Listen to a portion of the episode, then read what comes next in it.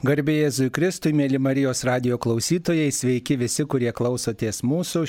Šioje laidoje mes e, bendrausime su Vilkijos ir Seredžiaus parapijų klebonu, švento rašto žinovu, kunigu Linu Šipavičiumi. Garbėjai Jėzui Kristui. Taip, kunigas Linas Šipavičius jungiasi su mumis per nuotolį. Dabar taip pat prie mikrofono esu ir aš, kunigas Saulis Bužauskas. Čia bandysime atsakyti į jūsų atsistus klausimus. Siūlome jums siūsti klausimus susijusius su šventuoju raštu nes tai yra e, kunigo Lino Šipavičiaus tokia specializacija. Jisai labiau domisi, studijuoja, daugiau tam laiko skiria, domisi tokiom specialiom studijom. Taigi būtų gerai, kad štai surastumėte klausimų, kurie jums rūpi iš šventojo rašto. Taigi, e, kunigui Linui Šipavičiui, štai yra toks klausimas. Kunigė, jūs mus girdite? Girdžiu per telefoną. Taip, gerai. Tai štai yra e, toks, e, tokia knyga, pirmoji Samuelio knyga, 21 e, skyrius nuo 11 iki 15 eilutės. Čia pirma Samuelio knyga, 21 skyrius nuo 11 iki 15 eilutės.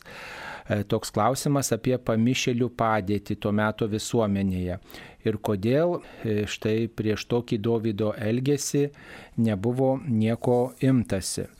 Štai jau kunigas atsiverčia pirmąją Samuelio knygą, 21 jį skyrių, kuriame aprašomas karalius Dovydas. Taip, kunigė, jūs girdite ir štai mes. Taip, taip. 21 skyrius nuo. Nuo 11 iki 15 eilutės, taip. 11. Aha. Dovydas. Leidosi į kelionę ir tą dieną pabėgo nuo Saulius. Jis atbėgo prie Gado karalių karalių Achišą. Achišo dvariškiai sakė jam, na, ar tai ne Dovydas rašto karalius, argi jis nėra tas, apie kurį jie dainuoja šokdami ratelius. Saulis užmušė tūkstančius, o Dovydas dešimt tūkstančių. Po žodžius Dovydas paėmė į širdį ir Gato karaliaus Achišo labai bijojo. Užtat, kada tik būdavo tarp jų, apsimesdavo bepročių ir jiems bandant jį sutramdyti elgdavosi kaip pamišėlis, leizodavo ženklus ant miesto vartų ir varvindavo seilės savo į barzdą. Galopachišas tarė savo dvariškiams. Jūs matote, kad tas vyras pamišęs, bet kodėl reikia jį pas mane atvesti. Jei jau man trūksta pamišėlių, bet atvežite šį vyruką prieš mane maivytis. Argi turėtų toks eiti į mano namus. Matome iš tikrųjų Davido tokį gudrumą šitoje vietoje ir turbūt ne vieną kartą iš jo žmonės netgi pasijuokė dėl to, kad, na, jisai iš tikrųjų parodo, kad prauga to žmonės. Žmonės dažnai tiek ir bibliniais laikais stengiasi gyventi tam tikrais tokiais stereotipais. Ir e, turbūt mažai kas norėtų save pristatyti taip, kaip šiandieną skaitėme pirmąjį Samuelio knygą 21 skyrių, kad nusimesti kvaileliu ir taip toliau. Bet Dovydas ir paskui kitoje vietoje, kada yra įnešama e, sandorų skrinė, kada Dovydas taip pat, kaip karalius, būdamas šoka, E, neždamas sandorio skynę ir viena iš Sauliaus dukterų juokėsi, sako, pažiūrėkite karalius, o elgesi kaip kažkoksai tai, na, nesubrendėlis. Ir tada Davidas atsako, sako, man sako, prieš viešpatį aš galiu atrodyti ir kvailys. Tai čia kažkas panašaus, kažka, kaž, kažkur tai tokia irgi panaši aluzija yra, kad, e, na, jeigu reikia, jeigu tai yra situacija kažkokia, kuri priverčia, tai gali, galima ir pasielgti būtent šitaip. Na, o visais turbūt laikais, kada matydavo žmogus, kad yra na, psichologiškai arba psichiškai nesveikas, jisai yra nepakaltinamas. Jisai negali būti kažkaip tai na, labai taip rimtai traktuojamas. Galbūt būtų taip bendrai šitą klausimą, nes šiaip gal reikėtų dar pasakyti kokį komentarą, bet kad laida yra trumpa ir, ir mes negalime čia taip labai pasinerti į vieną ar kitą egzegezinį komentarą. Taip, ačiū. Dabar dar vienas klausimas apie e, tokias dvi prasmybės, kurios yra šventajame rašte. Tai yra apie ramybę. Neparašyta kurioje vietoje, skaitytojas, klausytojas neparašė, bet, e, sako, yra dvi švento rašto vietos, kuriuose priešingai traktuojama žodis ramybė. Prisikėlęs viešpats dovanoja ramybę, o kitur sakoma, kad E, neramybės jums atėjau į žemę nešti, bet kalavijo. Kaip tai suprasti?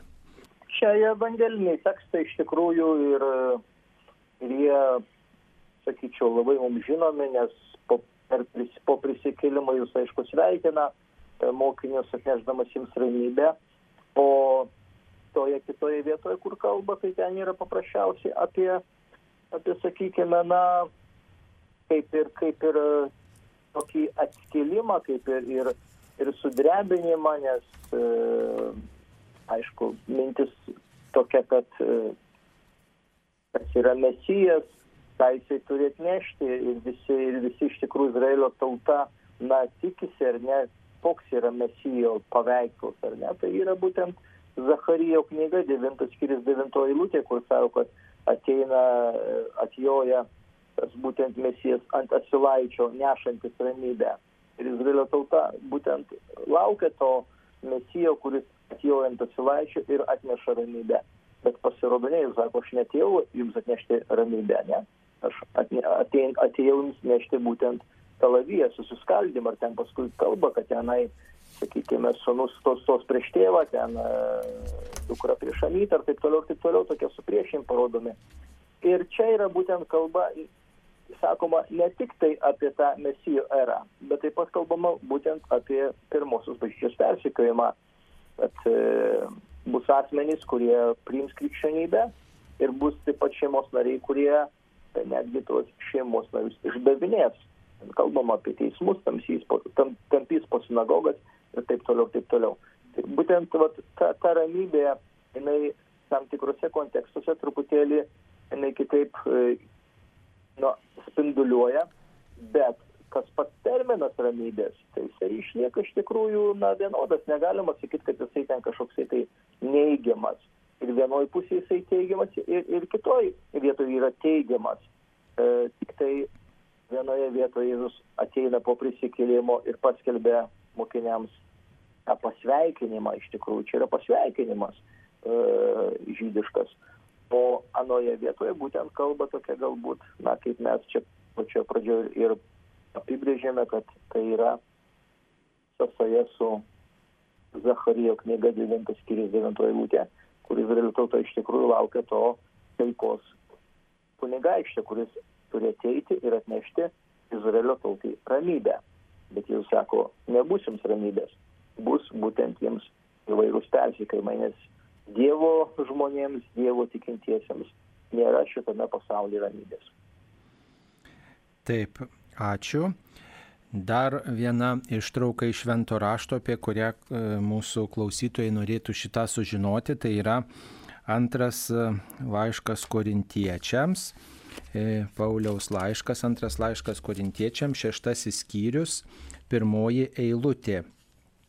Čia kalbama apie Dievo malonę, kurią neimkite Dievo malonės veltui.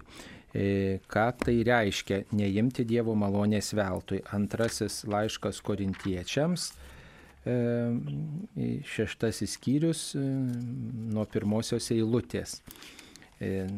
Ką? Kaip Dievo bendradarbiai norime jūs įspėti, neimkite Dievo malonės veltui. Jis sako, aš išklausiau tave, tavęs priimtinu metu aš tau pagelbėjau išganimo dieną. Štai dabar palankus metas, štai dabar išganimo diena.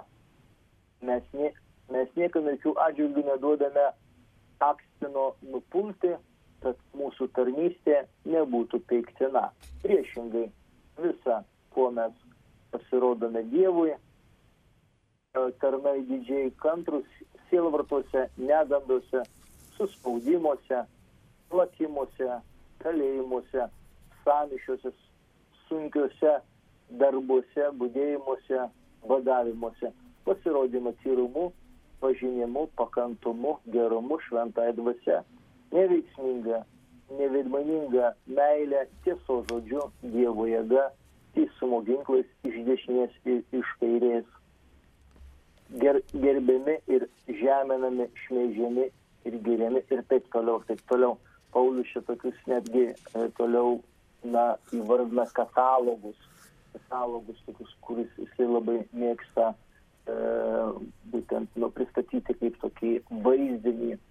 Kas tai yra ta e, malonė, ar ne, arba kodėl negalima imti malonės veltui. Tai aišku, paskui jau teologija išvystė tą malonės sampratą, bet iš tikrųjų apaštalo Pauliaus mintimis malonė tai yra būtent na, tas Dievo veikimas, Dievo ingerencija žmogaus atžvilgių ir galbūt toksai netgi susitarimas sandora su viešpačiu Dievu, nes tuomet ateina į, į žmogaus gyvenimą ta Dievo malonė. Iš kitos pusės čia kalbama, kad e, na, žmogus taip pat turi būti įpareigotas arba įsipareigojęs bendradarbiavimu su, diev, su Dievu. Nes, e, na, mes puikiai dabar žinome, kad malonė veikia ypatingai sakramentų metu. Ar tai kalbėtume apie krikštą, ar tai kalbėtume apie išpažinti, ar tai pirmą komuniją. Ir žmogus gauna Dievo malonę būtent sakramentiniu gyvenimu. Ir tuomet žmogus yra pakviestas arba netgi įpareigotas na, atsakyti į tą Dievo malonę, atsakyti tą Dievo kvietimą, o ne tik tai, sakykime, na, likti toksai žiūrovas, o ne aktyvus e, tame išganimo plane dalyvis. Tai galbūt taip mes čia galėtume suprasti šitą terminą graikišką charis, tai yra malonė. Taip. Ačiū. Dar vienas klausimas apie mm, pagarbę viešpaties baimę. E, kas ta baimė švento rašto vietose, keliose vietose, apie ją kalbama. E, pavyzdžiui, patarlių knygoje, antrame skyriuje, nuo ketvirtos eilutės, jei sieksi supratimo, kaip žmonės ieško sidabro, ir ieškosi jo tarsi paslėptų lobių, tada suprasi pagarbę viešpaties baimę ir sužinosi, ką reiškia pažinti Dievą. Kas yra toji pagarbi viešpaties baimė ir ką reiškia bijoti Dievo. Čia būtent pas mus yra tas išlikęs arba netgi taip galėtume sakyti jau įėjęs į, į biblinę kalbą, įėjęs na, į bažnytinę kalbą tas vat, viešpaties baimė, pagarbi viešpaties baimė. Tai šitas, šita vieta iš tikrųjų dar nėra tokia stipri, bet jeigu mes atverstume psalmių knygą, perot. 128. 110 psalmė, o gal ir 128. Pažiūrim 128 psalmę. Mm, taip, laimingi visi, kurie pagarbiai viešpaties bijo. Bet jeigu mes atversime 110 psalmę, e, rastume ten galbūt dar įdomesnį vietą. Aš dabar iš tikrųjų neatsimenu tos, tos konkrečiai psalmės vietos, bet, bet yra pasakyta taip, kad e, išminties pradžia tai yra Dievo baimė. Tai šitas terminas Dievo baimė arba Dievo baimingas žmogus, jisai iš tikrųjų e, labai dažnai kartojasi ypatingai Sename testamente. E, tai yra tas toksai terminas, kuris vis kartojasi ir kartojasi. Ir ką jisai dabar reiškia? Bet reiškia, kad žmogus iš tikrųjų visų pirma yra pasiruošęs vykdyti Dievo valią. Visada jam jo gyvenime pats svarbiausias dalykas yra ta Dievo valia ir Dievo įsakymą. Ir tai yra Dievo baimingas žmogus. Jisai prieš Dievą stovi su nuolankumu. Tai yra tas termino reikšmė. Aišku, gal, galbūt galėtume ir tame vertėme kokį nors komentarą parašyti ar dar kažką tai, kad žmogus labiau suprastų. Nes šitie kartais archainiai tokie posakiai, kurie jau yra įaugę į bažnyčios gyvenimą, į bažnyčios vartoseną, bet jie kartais paprastam žmogui kelia šiokių tokių abejonių arba kelia kažkokių tai klausimų. Dėl to kartais verta irgi parašyti kokį nors trumpą komentarą. Bet šiaip šitas terminas jisai labai yra na, dažnas vartotinas ir, ir, ir netgi jau mūsų liturgijoje kalbam apie tuos dievo baimingus žmonės. Na, Luko evangelijoje ten irgi turbūt apie piemenis yra kalba, kada pasirodo angelai, taip pat ten nuskamba tas dievo baimingumo motyvas. Taip, ačiū. Dabar dar vienas klausimas apie išėjimo knygą. Štai išėjimo knyga, septintasis skyrius, nuo aštuntos eilutės ar šiek tiek daug toliau. Taigi Mozė ir Aronas nuėjo pas faraoną ir padarė, kaip viešpats buvo įsakęs. Aronas numetė savo lasdą žemėn priešais faraoną ir jo pareigūnus ir jį pavirto slibinu. Faraonas taip pat sušaukė išminčius bei burtininkus ir jie, Egipto kerėtojai, padarė tą patį savo kerai. Savo lasdą ir jos pavirto slibinais, tačiau Arono lasda prarijo jų lasdas. Tačiau faraono širdis buvo užkėtėjusi ir jis neklausė jų, kai buvo viešpats pasakęs. Na, taip pat yra ir toliau, kad ir Egipto kerėtojai padarė tą patį savo kerais, kraują pavertė, vandenį pavertė krauju Egipte, Egipto vandenyse. Taigi štai kaip galėjo Egipto kerėtojai padaryti tokius pačius stebuklus kaip Mozė. Tai apie tai kalbama išėjo, išėjimo knygos septintajame skyriuje nuo dešimtos eilutės. Tai yra iš tikrųjų tas toksai kalbėjimo būdas, kad, e, na, Egipto žiniai, čia kalbama arba kunigai, arba žiniai, e, na, kerėtojai galbūt truputėlį, na, toksai, toksai nepilnas terminas, bet čia yra apie Egipto, Egipto kunigus arba Egipto žinius, kad jie turėjo taip pat didelę galę didelę galę ir, sakykime, tie padaryti Mozės stebuklai, kaip mes juos įvardiname, per e, Izraelio Dievą, jie iš tikrųjų Izraelio tautos, e, Egipto tautos akise, jie atrodė, na, nelabai arba neperdėm įspūdingi. Ir dėl to, na, faraonas kažkaip dar neapsisprendžia išleisti Izraelio iš, iš Egipto. E, na, parodoma tokia ta Egipto išminčių, Egipto būtent e, tų kunigų iš tikrųjų, na, maginė gale. Ir iš kitos pusės biblinis autorius nori parodyti, kad tas, na, išėjimas, jisai yra tam tikras toksai, na, po truputėlį toksai mažai žingsneliais. Dievas nepreiškia savo tokios galybės, kad iš karto ten paima ir sumaišė, ir sumaišo žemę su dangumi. Bet jisai mažai žingsneliais iš tikrųjų nori Izraelio tautą išvesti iš Egipto nelaisvės. Ir jisai tą daro. E, ačiū. E, dar vienas klausimas. Kas pavadino žydus išrinktąją tautą? Dievas ar jie patys save? E, apie tai skaitome šventajame rašte, kad e, jie yra išrinktoji tauta. Na, tokio galbūt labai tiesaus arba aiškaus e, teksto mes nesurandame šventajame rašte, kad pasakytų, na, yra, kad aš, aš, ta, aš tave įsirinkau arba aš jūs išsirinkau. Yra šitas posakis pasakytas, kad yra Ozėjo knygoje pranašo E, kitose knygose taip pat mes galime sutikti tų aluzijų, bet, sakykime, taip tiesiogiai, e, kad būtų parašyta, kad e, štai Dievas sako tautai, aš, aš tave paskyriau arba įsirinkau, tai išrinktąją tautą ir taip toliau, galbūt mes tokio tiesioginio ir nesurasime posakio. Bet klausimas mums, ar to reikia, nes, na, tuo metu kultūra ir tuo metu būtent žmonės truputėlį kitaip mąstė.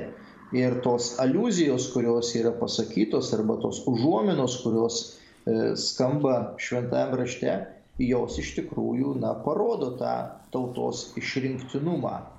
Tik tai klausimas, manyčiau, na, čia jau yra kaip ir labai aiškus arba uždarytas, kad, kad tarkime, na, Dievas iš, išsirinko Izraelio tautą tam tikram tikslui, tam tikram veiksmui, e, kad Izraelio tauta atvestų kitas tautas arba parodytų kelią link e, tikrojo Dievo, link to Dievo, kuris yra vienintelis, kuris yra pasaulio ir žemės kuriejas. Ir tai buvo iš tikrųjų, na, Izraelio tautos tas pagrindinis tikslas, jos išpildymas. Tačiau Izraelio tauta truputėlį kitaip suprato tą išrinktinumo idėją. Jis suprato, kad jinai yra aukštesnė už visas tautas. Ir dėl to jinai buvo vėliau, na, Dievo, galima sakyti, kabutėse auklėjama E, per, įvairias, e, per įvairius išbandymus, per įvairias būtent, na, e, kaip ir nelaisvės, Asirijos nelaisvė, Babilonijos nelaisvė, Graikijos nelaisvė, Romos imperijos nelaisvė ir taip toliau ir taip toliau. Tai tik tai dabar klausimas netgi e, skaitytume, jeigu apaštalo Paulių laiško romiečiams 11 skyrių, ten Paulius klausia, ar iki šioliai E, Izraelio tauta išliko išrinktąją tautą, nes jinai atmetė būtent Jėzų Kristų Mesiją. Ir tuomet e, Paulius e, kėlė klausimą Romos bendruomenį ir aišku visiems žydams, ar iki šiol, ar sakykime po to nuopolio Izraelio, kur, kur atmeta Jėzų Kristų, kur ir nužudo, ar jinai toliau išlieka išrinktąją tautą, ar jinai praranda savo funkciją. Tai va, čia yra būtent tas galbūt įdomesnis klausimas, nes kad Izraelio tauta buvo išrinkta, tai yra, na, toksai jau kaip ir vienareikšmiškumas, matomas e, bibliniuose tekstuose. Bet kas toliau vyksta su tauta, va čia yra būtent tas įdomus turėtų būti klausimas. Na, paštalas Paulius sako, kad Dievo pažadai yra neatšaukiami. Ir, žodžiu, kad jeigu išsirinko tautą, tai jis savo pažadų neatšaukė, tik tai turi savo planą. Na taip, bet klausimas tik tai tame, jeigu tauta išpildė tam tikrą savo misiją, ar jinai, ar, ar jinai toliau lieka toje pozicijoje, kokia jinai buvo, ar jinai, kaip sakoma, jau jinai jinai eina į antrą dievų planą. Tai va čia yra tas toksai diskusinis klausimas. Nu, bet kokiu atveju. Nes, nes vėliau kalbama, kad, kad tarkime, mes visi esame išrinktoji tauta ir čia kalba būtent apie visą jau, jau visuotinę bažnyčią. Ir, ir tarkime, e, galbūt ta išrinktoji tauta terminas jisai yra, na, būtent toksai jau pasenęs arba, arba sakykime, jisai toksai jau sukaulėjęs sustingęs, suakmenėjęs, nes dabar, dabar kalba, pavyzdžiui, ir bažnyčios dokumentai, ir antro Vatikano susirinkimas, kad išrinktoji tauta tai yra bažnyčia, tai yra bendruomenė visa, kuri tiki į Jėzų Kristų ir kurie tiki į jo e, siūstą į tėvą. Taip, ačiū. Dar vienas klausimas yra apie pirmąjį laišką korintiečiams, 11 skyrių 26 eilutę. Ar Euharistijos esmė susumuota šioje eilutėje, klausė Antanas. Pirmas laiškas korintiečiams, 11 skyrius, 26 eilutė. Kol kunigas atsivers šitą vietą, aš Dar kitą klausimą perskaitysiu. Ar dar reikia 20 val. dėl COVID pandemijos skambinti bažnyčių varpais, juk jūsų radijoje jų jau jais nebeskambinama. Tai ne, nebereikia skambinti dėl pandemijos, COVID pandemijos varpais, tačiau melstis visada reikia, kad šita pandemija duotų gerų vaisių, kad žmonės tikrai susimastytų apie savo trapumą. Ir mes tęsėme tą tradiciją melstis Juozapo maldą būtent 20 val nėra to varpų e, skambesio negirdėti, nes e, nebėra tos, to, tokių įsakymų skambinti bažnyčios varpais. Na, radijas čia m, tiesiog įrašą varpų leidžia, mes neturime varpų, bet, bet mes tęsėme tą tradiciją, ypatingai, kad yra Juozapo metai. Tai štai. Taip, tai dabar, kunigė, jūs jau atsivertėte pirmąjį laišką korintiečiams. Aš žinau, bet aš tiesiog laidą turiu manęs radiją. Taip, pas jūs dar atėjo interesantai, kaip malonu, kad Ne, galite. ne, telef, atsiprašau, čia. Telefonu. Viskas- Gerai. viskas Tai tvarkoj. pirmas laiškas. Kalbame, kalbame apie tą 21 eilutę, ar ne? Mes čia kalbėjom 26. Taip, 26 eilutė. 26 Pirmas laiškas korintiečiams, 11 skyrius, 26 eilutė. Taigi, kada tik valgote šitą duoną ir gerite iš šitos taurės, jūs kelbėte viešpaties mirtį, kol jis ateis. Taigi klausimas, ar čia susumuota Euharistijos esmė.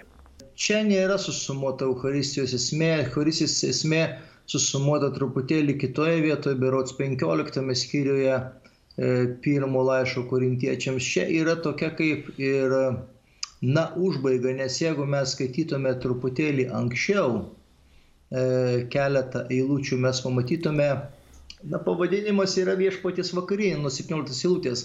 Tačiau čia yra tokio truputėlį negatyvumo. Duodama šios nurodymas, aš jūsų negeriu, nes jūsų susirinkimai išeina ne į gerą, bet į blogą.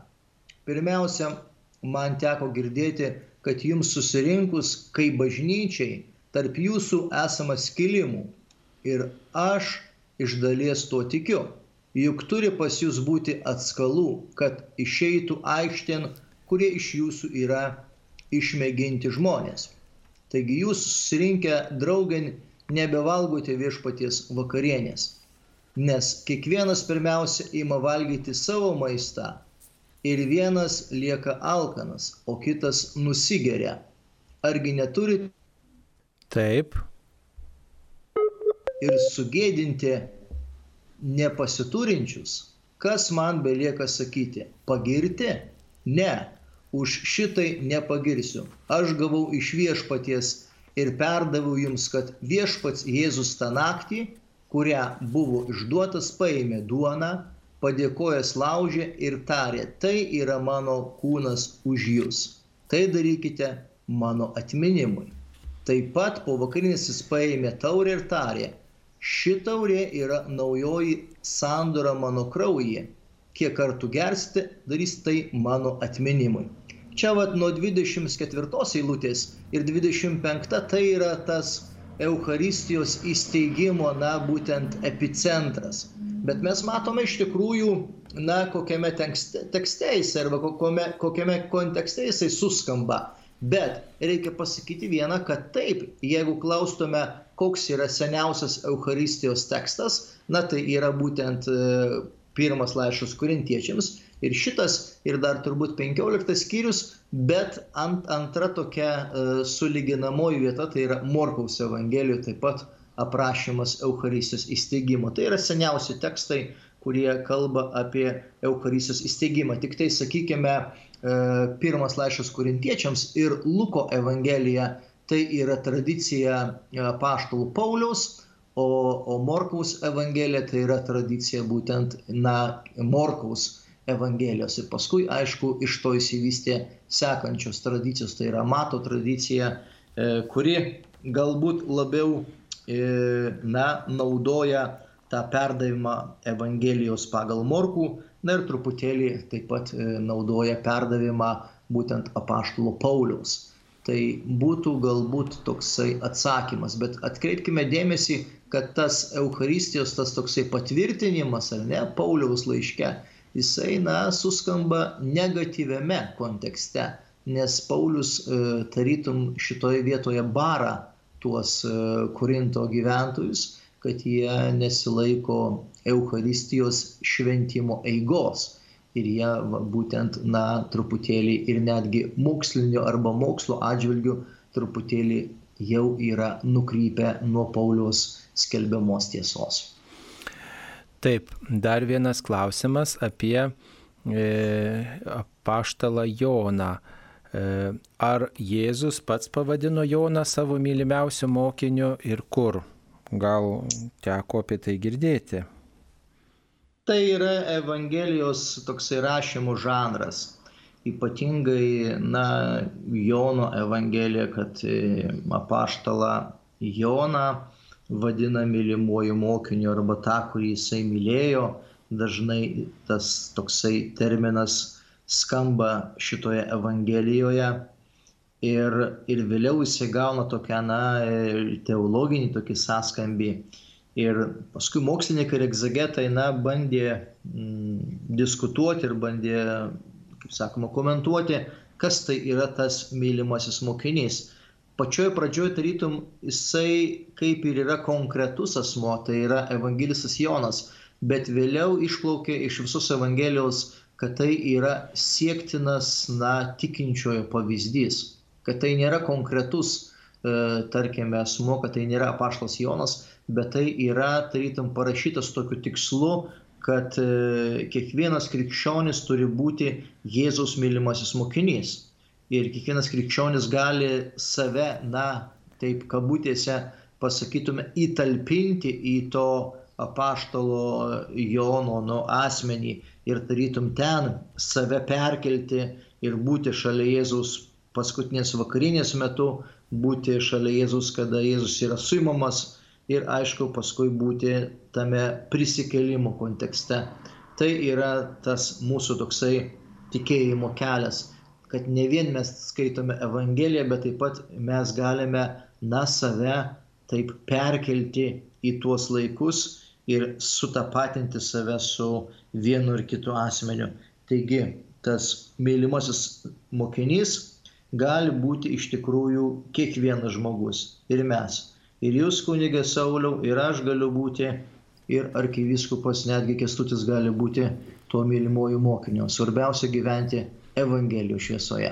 Taip, e, čia dėkoja kunigui Linui ir klausia, ar e, kunigas Linas e, per naująjį Marijos radijo sezoną ves laidų ciklą, laukiame ir klausome laidų su jumis, gal vestumėte ruden žiemos sezonų pastovų laidų ciklą. Štai klausimas toks jums kunigelinai.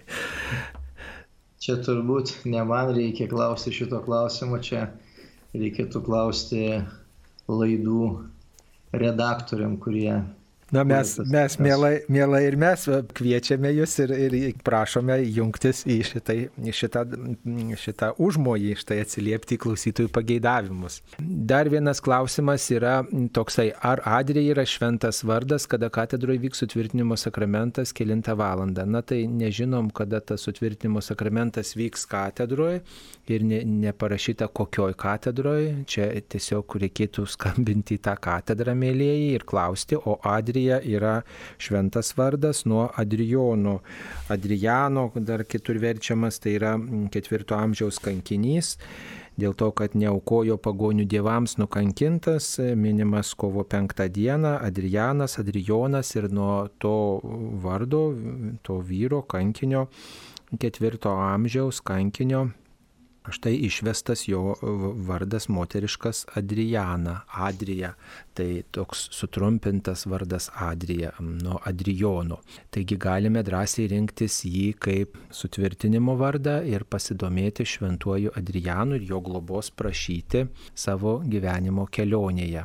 Kas yra malonė, e, labai dažnas žodis e, ir turbūt šventam rašte jisai vartojamas. Kas yra malonė konkrečiai?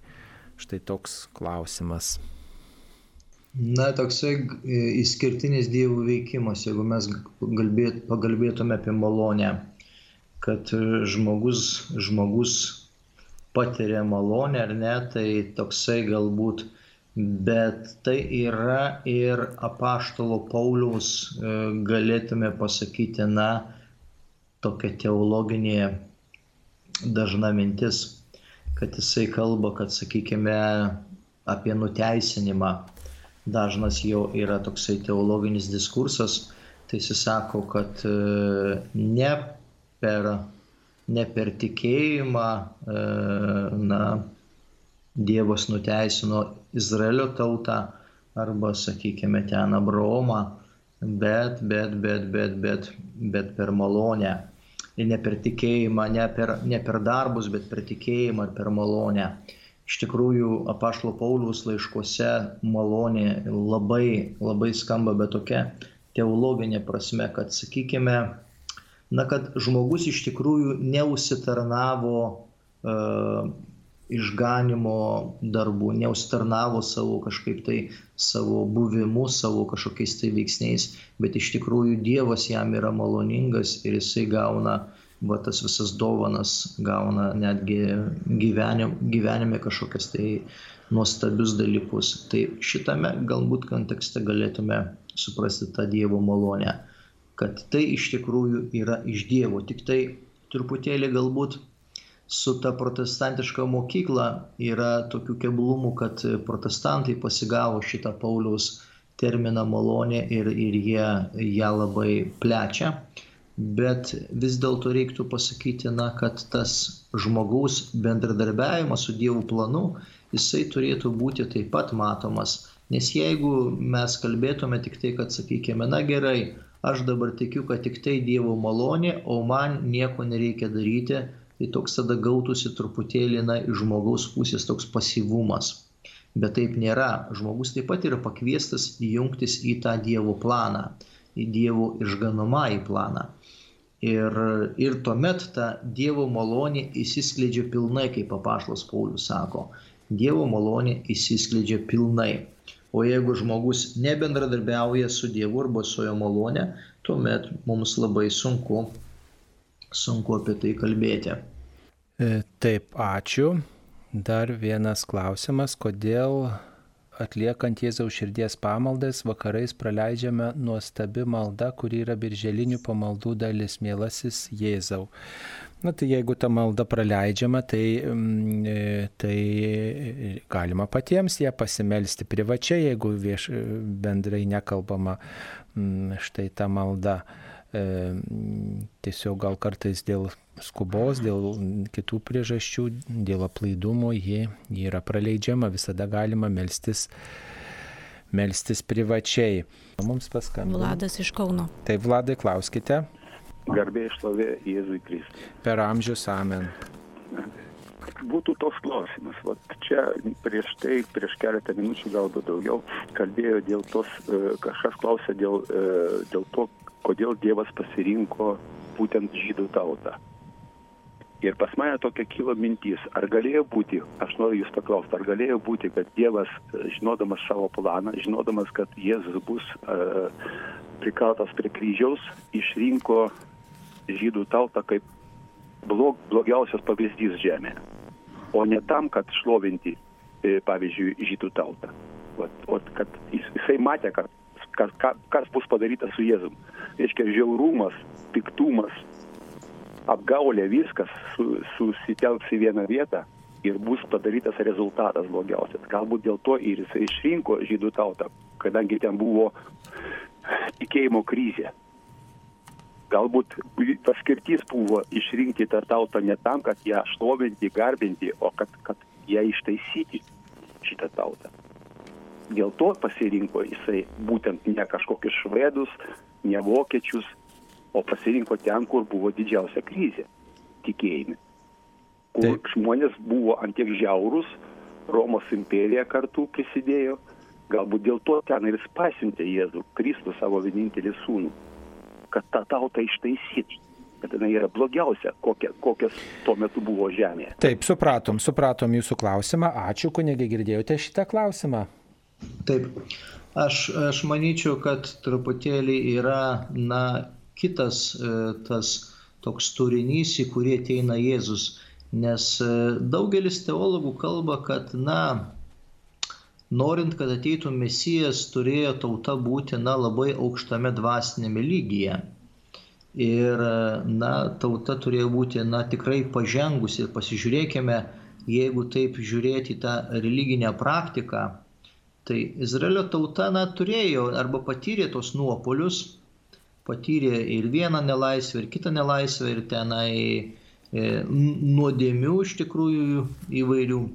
Bet vis dėlto tas religinis kultas išliko, šventykla atstatyta, e, na, žmonės švesdavo tas visas religinės šventes.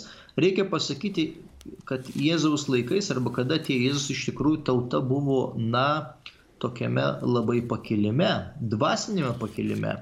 Ir jie iš tikrųjų laukė, jau labai laukė ateisančio mesijo, nes turėjo įvykti pažadai. Pažadai įvyksta tik tai tuomet, kada tauta yra pažengusi dvasinėme kelyje. Ir, na, būtų labai taip sudėtinga teikti, kad, e, sakykime, na, tauta buvo negatyviausia arba tokia blogiausia arba, sakykime, morališkai labiausiai nupolus arba ten dvasiškai. Visas pasaulis tais laikais kvėpavo tuo žiaurumu. Tai yra, tai yra tiesa. Ir galbūt netgi jeigu kalbėtume na, apie Romos imperiją, aišku, ten visi patricijai ir visa aukštuomenė, jie turėjo kultūrą ir jie galbūt nebuvo barbarai, bet ta visa žemoji klasė, tie Romos legionieriai, Romos kareiviai, tikrai buvo labai žema klasė ir jie buvo labai žiaurūs. Bet priešo atžvilgių, aišku, tai buvo natūralus dalykas. Tai mes jau kalbėtume apie moralę, sakykime, Romos imperijos ir moralę, sakykime, Izraelio ten e, tautos arba valdžios, tai galėtum pasakyti, kad kažkur tai buvo vienoda. Bet klausimas yra tame, kad, e, tarkime, netėjo arba kitais žodžiais neapsireiškė Dievas, sakykime, na, galbūt tokiai ekspansijai kaip Egiptui, kaip sakykime Graikijai, kaip sakykime galima sakyti Babilonija, Sirija ir ne, kurie buvo, kurios buvo įsivystę, kurios buvo įsivystę, kurios turėjo netgi na, gražią kultūrą, bet apsireiškia būtent tokiai visų pirma, na, klajoklių genčiai, pasižiūrėkime į Abraomą, ar ne? Tai yra na, nedidelė, nedidelė kažkokia grupelė žmonių, na, tuomet Abraomas jau ten gyveno tą sėslų gyvenimą, bet sakykime, taip pat buvo ir to nomadinio gyvenimo tipo. Čia iš tikrųjų, na ir Biblija, ir su, turbūt Dievas nori pabrėžti, kad e, Dievas įsirenka tokią, na, paprastą, e, į akis nekrentančią tautą. Ir iš jos nori kažką tai padaryti, kažką tai nulibdyti. Bet matome, kad tas libdymas arba kažkas tai vykdymas, na, neina pagal Dievo planą, nes žmogus, jisai yra na, su savo ribotumais ir iš tikrųjų, na, jisai turi taip pat e, netgi ir tą laisvą valią. Tai iš, išrinkimo arba pasirinkimo momentas jisai iš tikrųjų labai yra aiškus, kad, na, Dievas nori per Izraelio tautą atvesti visą žmoniją prie jo, prie vieno Dievo. Bet matome, kaip, kaip kas gavosi, kad, sakykime, Izraelio tauta iš tikrųjų iki galo nesuprato savo savo tikslo. Na ir, tarkime, e, buvo atmestas e, Mesijas Jėzus Kristus. Taip. E, dar turime skambutį. Stanislavo paskambino. Taip, Stanislavo, klauskite, jūs eteryje. Gerbėjai Kristus. Per amžius. Dabar vasaros metu mes vaikštum nuogais kaklais kaip nešioti škaplerių, kad jį turėti visą laiką prie savęs. Ar galima kišenį, ar galima rankinukį, ar galima ant rankus ten kur nors, kaip nors. Taip, supratome. Na, škapleris nešiojamas paprastai ant kaklo. Jeigu nepatogu nešioti ant kaklo dėl kažkokių priežasčių, tai galime prisisekti prie rūbų. Šiaip prie tų rūbų, na, seniau būdavo net prie tų rūbų, kurie dažniausiai dėvimi prie štai marškinėlių, dar kažkokių rūbų prisisega, prisisiuva žmonės ir tuos rūbus štai nešioja, kai skalbia, tai galbūt nuima tuos škaplerius ir panašiai tokią tradiciją irgi esame girdėję. Rankinukė tas nešiojimas kažkur tenai, tai, na, toks, žinot, ne prie savęs tarsi, nes rankinukas ne visada su mumis būna. Tai ar užrašų knygutė, ar kažkoks dėkliukas, tai čia dar kažkas. Bet tai čia yra daugiau toksai simbolinis ženklas, svarbu turbūt malda, tikėjimas e, į Dievą ir, ir pasitikėjimas jo šventaisiais ir, ir jo šventųjų globos prašymas ir škapleris yra pamaldumas į švenčiausią mergelę Mariją, kuri ypatingai Dievui atvira ir mūsų užtarė. Taip, šventam rašte kalbama, kur šventam rašte kalbama apie kontracepciją. Jei ją naudoja vienas sutoktinis ar nusideda ir kitas, turi pasisakyti per išpažinti. Čia yra toksai labiau moralinis klausimas, nes Na negali būti Biblijoje arba šventajame rašte at, e, sudėti visi klausimai, kurie na, mus liečia. Tai yra na, jau vėlesnis žmogaus gyvenimo etapas ir mes, mes žinome, kad e, ta kontracepcija atsirado ne, ne bibliniais laikais, bet atsirado vėlesniais laikais. Tačiau bažnyčios mokymas kalba, kad e, Dievas yra žmogaus gyvybės kuriejas ir e, turi būti tai saugoma, ar turi būti pagarbu.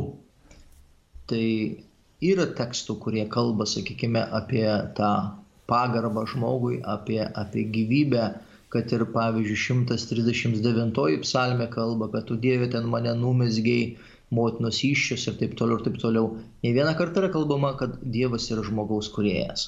Ir dėl to iš šitų biblinių tekstų ateina iki mūsų ta geroji žinia, kad žmogus negali koreguoti, žmogus negali, sakykime, valdyti tą naują ateinančią e, gyvybę. Tai yra Dievo dovana, tai yra, galėtume pasakyti, ta ir Dievo tokia malonė. Taip, ačiū. Dar toks klausimas, gerbiamas kunigelinai, pagal šventą įraštą Kaip suprasti po mirties sielos būseną? Ar mirusiųjų prisikėlimas bus po antrojo Kristaus ateimo, o kas iki ateimo? Na, šitas e, mokslas eschatologija e, bažnyčios e, viena iš dogmatinių tokių traktatų na, aiškiau jau atveria tą pomirtinio gyvenimo perspektyvą Nes šventajame rašte taip yra kalbama apie tą mirusiųjų pasaulį. Kalba ypatingai ir Senasis testamentas, kurį įvadina, įvardina šioliu. Kalba taip pat ir Naujasis testamentas, kaip apie tokią būseną arba tokią, na, kaip ir vietą. Ten mes turime Luko Evangeliją, biro 16 skyriuje apie lozorių ir apie tą turtingą turtingą žmogų, kuris puotavo kiekvieną dieną, o lozorius aptekę žaizdomis gulėjo prie jo vartų ir paskui numiršta vienas ir numiršta kitas. Lozorius papuola į Abromo prieglopstį, o būtent tas turtingasis papuola, na, į tą, sakykime, mirusiųjų buveinę arba pragarą, arba, arba sakykime, na, tą vietą, kur yra atskirtis didžiulė.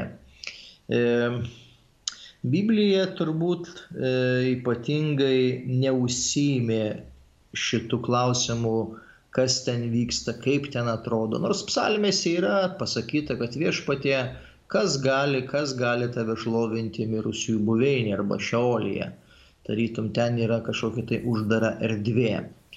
Tai ta tokia seka arba ta, sakykime, na, gyvenimas tas po mirties su tam tikrais etapais. Biblija per daug, na, neišskiria taip aiškiai. Bet Biblija savo, kad e, kiekvienas žmogus po mirties keliauja pas Dievą, jam šią gyvenimą. Tai yra žmogaus gyvenimo tikslas. O sakykime, kokie etapai, kaip, kokiais žingsniais ten dabar nukeliaujama, Tai čia yra jau būtent tas bažnyčios mokymo e, momentas. Na ir yra kalbama, kad e, po mirties žmogus susitinka su viešpačiu Dievu, e, tas toksai pirmasis teismas, o paskui pasaulio pabaigoje, kada jisai, tas teismas bus visuotinis ir bus tas visuotinis mirusiųjų prisikėlimas. Na ir Paštas Paulius kalba apie tą visai kitą kūną, kad, kad tas kūnas bus būtent nemarus ir matau, kad taip pat ten kalba apie, apie tą amžino gyvenimo perspektyvą. Tai štai galbūt taip galėtume mes atsakyti mūsų klausytojui. Taip, dar vienas klausimas apie Rutos knygą. E, kaip ir ar susijėtinas Boazo iš Rutos knygos atpirkėjas su Kristumi atpirkėju? Na, reiktų iš tikrųjų skaityti tą tekstą, nes, nes taip visų visų, viso turinio sunku atsiminti, bet e, aluzija gali būti, kad, kaip sakoma, na, į tą, į tą mesiją atpirkėją gali būti, sakykime, sėtina, nes tie tokie spindulėliai nu, sutinkami Sename testamente to mesijo, nes nereikia pamiršti, kad e, Sename testamente arba Izraelio tradicijoje e, kas turėjo būti mesijas. Mesijas tai turėjo būti būtent karalius. Tai čia kaip ir atspindi tą karaliaus tokį įvaizdį ir dėl to gali kažkiek tai, sakykime, na jau e, gyvinti arba truputėlį, nu, kelti dvasiškai Izraelio tautą, tas vienas ar kitas karaliaus vaidmuo. Taip, Rūtos knyga yra viena iš istorinių knygų, galima paskaityti apie tai, kaip Boazas įvykdo atpirkėjo pareigą, sumoka skolas ir veda Rūtą svetim šalę ir pagimdo sūnų. Tarp kitko, Rūta minima ir Jėzaus genealogijoje. Taip, dar vienas klausimas apie karalius, kaip suprantu, išminčius. E, kai jie pamatė žvaigždžią, kaip jie nustatė, kad išganytojas gimė būtent ten, kaip sugebėjo paros laikotarpyje nukakt, gal Dievas juos orų nuskraidino. Nu, gal ir nuskraidino, kas gali žinoti.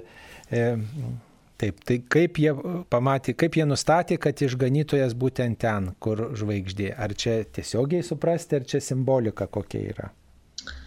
Na, tie išminčiai arba karaliai, arba netgi astro, tie žmonės, kurie įsiminė astrologiją, jie tikrai buvo pažengę ir e, jie mokėdavo skaityti dangaus, tuos ženklus, dangaus kūnus ir jie pamatė tą pasirodančią žvaigždę, kuri kalbėjo, kad turi gimti, na, nepaprastas asmuo.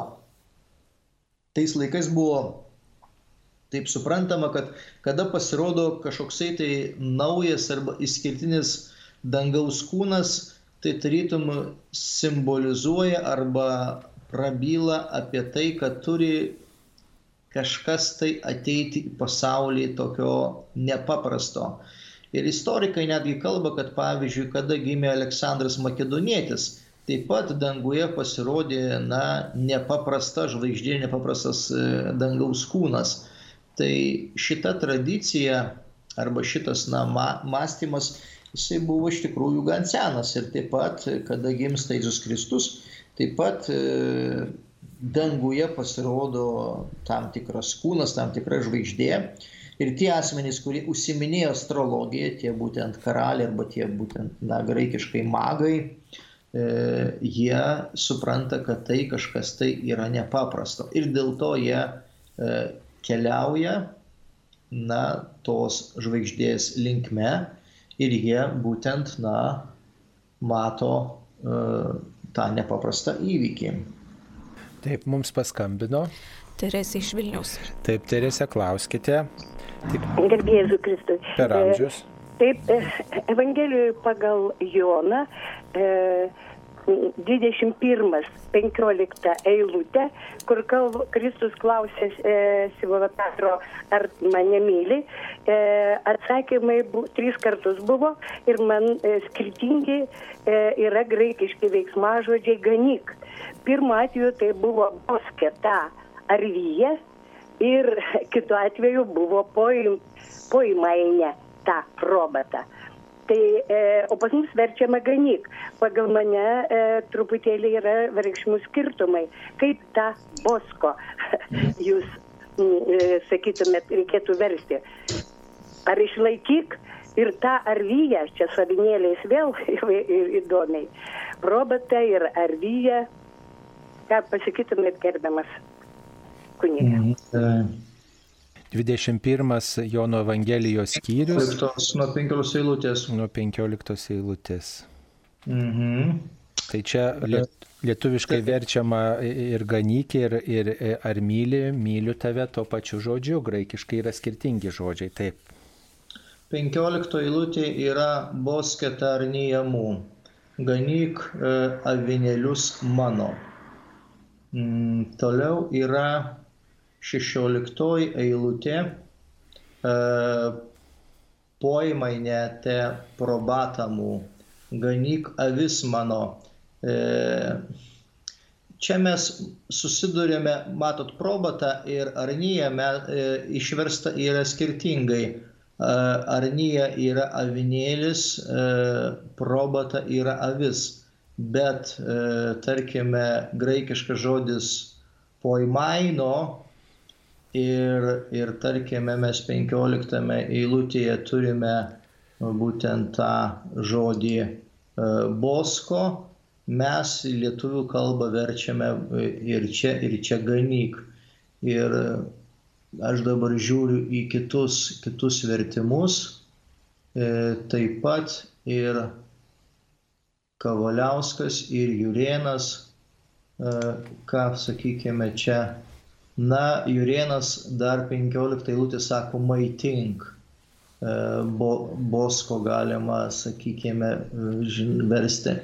Bet šiaip turbūt vis dėlto, na, tas toksai, nes maitink tai reiškia jau kažkoksai konkretus, konkretus terminas, o sakykime, na, ganyti, tai ganyti yra platesnis terminas, kuris pasako, na, tą Petro misiją Na ir trečią kartą taip pat yra pasakyta bosketa probotamų, e, ganyk mano e, avis, avis, avinėlius.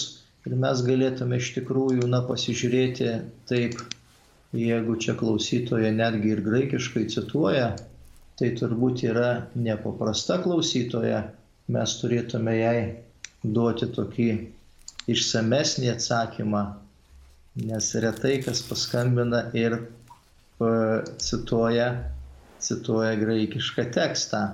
Tai mes pasižiūrim, ką reiškia bosko graikiškas žodis - ganyti, maitinti, išlaikyti, palaikyti.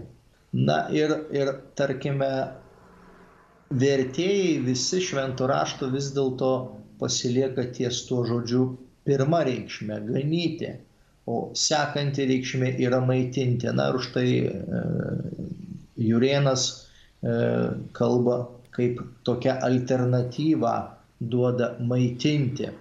maitinti. O sakykime, arnijon, pasižiūrėsime, ką dabar reiškia arnijon. Arnijon yra iš tikrųjų arneos. Arneos yra avinas, bet čia iš tikrųjų galbūt mes ir galėtume apsistoti ties avinėlis. O, o poima, poimau reiškia, pasižiūrim, ką reiškia poimau, ganyti, būti piemeniu, klaidžioti, saugoti, rūpintis kuo, raminti, apgaudinėti.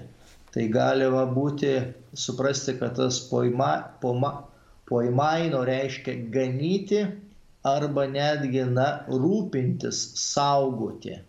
E, tai yra Jėzaus kalbėjimo būdas, kad e, Petras ne tik tai yra tas, kuris, na, gano savo kaimenę, bet tas, kuris būtent ir saugo. Nes ganyti tai tarytum, na, truputėlį toksai ir valdymo yra aspektas, ar ne?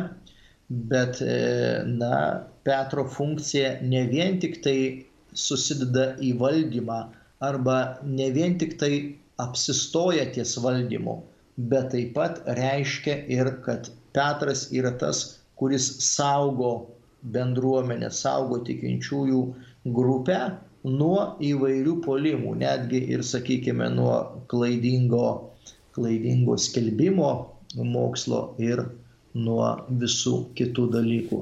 Tai galbūt iš tikrųjų taip mes galėtume dabar šitoje laidoje suinterpretuoti šitą tekstą, nors iš tikrųjų jisai yra toksai gan žinomas ir gan dažnai komentuojamas. Ir tikrai turbūt, jeigu paieškotume, rastume neblogų straipsnių arba neblogų komentarų, kas liečia būtent e, tuos atitikmenius, e, ar tai daiktavardžių, ar tai būtent tų veiksmažodžių, bet atkreipkime dėmesį, kad, sakykime, na, 15 ir 17 eilutė, jinai turi būtent tą, tą patį skambesį, kad, kad viešpat sako, boske tą probatamų, ar neganyk mano vis, tiek 15, tiek 17 eilutė. O būtent 16 eilutė, jinai truputėlį kinta, jinai įneša tą kintamumą. Poimaite tą probatamų. Na, atsiprašau, 16 eilutė e, apie tas e, 15 eilutė kalba apie tos avinėlius, atsiprašau. Tai čia gali, galima kalbėti apie tas tokias dvi tradicijas, nes galbūt, na, pirmoji tradicija turėjo būtent apie su tais vienais žodžiais buvo e, vartojama, o paskui sekanti tradicija įžengė e, su, su boske ta arniemų. Ir dėl to mes turime dabar tokį gražų, na jau bendrą redakciją, kurioje yra ir viena, ir tai kita E, pasakyti žodžiai. Bet aišku, dar reiktų pasižiūrėti ir į teksto kritiką, reiktų pasižiūrėti į kokį nors rimtesnį komentarą. Pats geriausias komentaras turbūt Jono Evangelijos, tai yra Šnakenburgo e, išleista vokiečių kalba ir paskui yra Brauno du tomai anglų kalba. Tai jeigu skaitote angliškai, tai yra Braunas, jeigu skaitote vokiškai, keturių tomų yra Šnakenburgas kurį e, labai stipriai cituoja e, Benediktas XVI e, trijų tomų veikale Jėzus iš Nazareto. Be to galbūt reiktų jums paskaityti ir Benedikto XVI Jėzus iš Nazareto knygą, galbūt tenai rastumėte tokį tikslų atsakymą. Ačiū labai už klausimą. Taip, mums paskambino. Milda iš Ariogalos. Taip, Milda, klauskite, jūs eteryje. Per amžius. Norėčiau paklausti gerbiamą kunigaliną apie Marijos tėvus.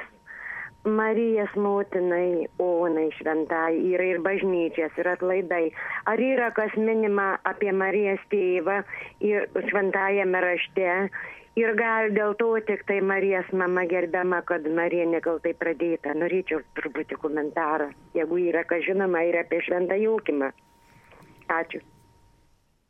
Taip, ačiū labai. Tai Marijos tėvai iš tikrųjų yra minimi apokrifinėse raštuose, Tomo Evangelijoje ypatingai, e, nes ta bažnyčios tradicija arba tas bažnyčios tradicijos pasakojimas, jisai iš tikrųjų, na, augo ir formavosi. Ir tarkime, buvo daugiau tų Evangelijų, kurios buvo skaitomos netgi ir bažnyčios gyvenime. Tik tai vėliau, paskui laikui bėgant ir, ir vystantis bažnyčios mokslui, buvo nuspręsta, kad tarkime, na, tos tokios kanoninės arba tos Evangelijos, kurios jau turi būti skaitomos susirinkusiai bendruomenė, yra keturios. Evangelija pagal Matą, pagal Morku, pagal Luką ir pagal Joną. Tačiau, na, pačioje pradžioje tų Evangelijų buvo daugiau ir, sakykime, e, Tomo Evangelijoje yra kalbama apie Marijos e, tėvus, kurie iš tikrųjų patyrė kažkokią tai panašią istoriją kaip ir Jono Krikšto tėvai, kad e, ilgai negalėjo susilaukti palikonį ir paskui susilaukė būtent švenčiausią mergelę Mariją. Ir tas vaidmuo, sakykime, na, labiau kada mes minime Oną, tai iš tikrųjų, na, ten yra pasakytas ir Jochimas. Tai, tai nėra taip, kad išskirtinai tik tai pabrėžiama šventoji Ona ta, toje šventėje pabrėžiami abu e, švenčiausios mergelės Marijos tėvai.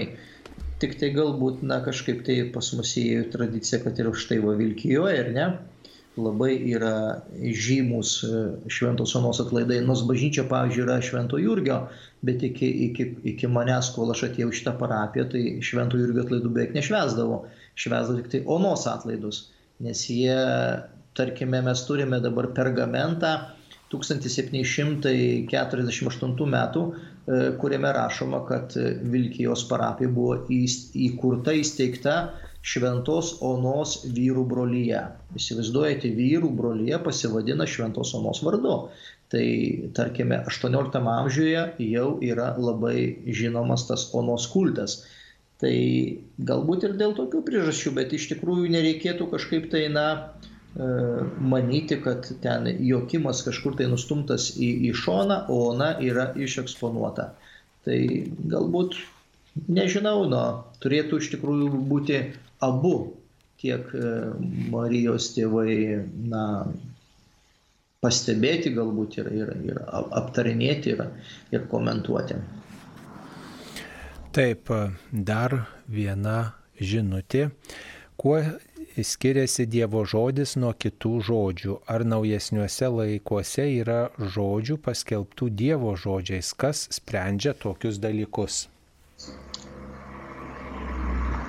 Na va čia yra tas bažnyčios mokslas apie šventų rašto įkvėpimą. Jisai labai toksai įdomus ir labai yra svarbus. Ir bažnyčia tam tikrų metu paskelbė, kad šventas raštas yra Dievo žodis ir Dievas įkvėpė tam tikrus e, rašytojus, tam tikrus žmonės, kurie būtent surašė šventai raštą kaip Dievo žodį. Ir mes puikiai žinome, kad e, švento rašto tas e, kanonas, tas, sakykime, formavimasis, jisai kažkur tai pasibaigė apie šimtuosius metus. Ir e, užsidarė tas švento rašto kanas arba užsidarė tos knygos. Ir netgi mokslininkai, na, uždavinėja klausimą, sakykime, kas va būtų, jeigu dabar e, paimtų ir surastų dar kažkokią tai naują evangeliją, kuri dar mums yra nežinoma, arba dar kažkokį tai naują apaštalo Pauliaus laišką, kuris yra iki šiol dar nežinomas, kas su juo būtų ar jisai įeitų į tą švent, švento rašto arba Biblijos dabar, na, sakykime, knygų eilės ar neįeitų. Na ir mokslininkai sako, jisai jau neįeitų, nes, sakykime, jau Biblijos knygos arba Biblijos knygų sąrašas jau jisai yra uždarytas, jau jisai yra užbaigtas. Ir, ir, ir kas yra nauja, jau, sakykime, tarytum, jisai būtų kažkaip tai priskirtas prie tam tikrų knygų, bet, bet tarkime, jau jisai nebūtų tokioj pačioj e, linijoje arba tokioj pačioj vietoj, kaip, kaip ir kitos e, švento rašto knygos. Taigi tam tikras laikmetis suformavo švento rašto knygas ir tam tikras laikmetis jas aprobavo e, bažnyčios autoritetu. Ir mes dabar jas tokias turime. Jūs girdite Marijos radiją.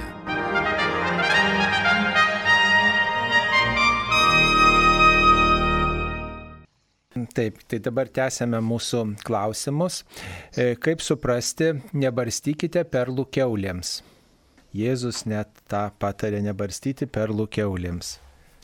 Čia, aišku, yra tas santykinis posakis, ne, vien tik tai pasakytas viešpatys Jėzus, bet E, žinomas ir e, kitose kultūrose.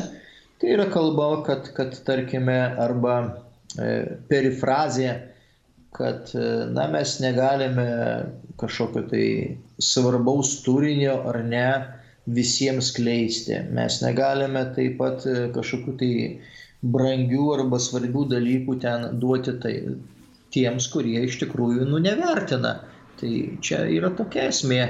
Ir, ir netgi mes dabar turime netgi tą patirtį, kad, sakykime, mes visiems kalbame apie tikėjimą, mes kalbame tuos tikėjimo tokius svarbiausius dalykus, kaip pavyzdžiui, ten Jono Evangelija sako, Dievas yra meilė.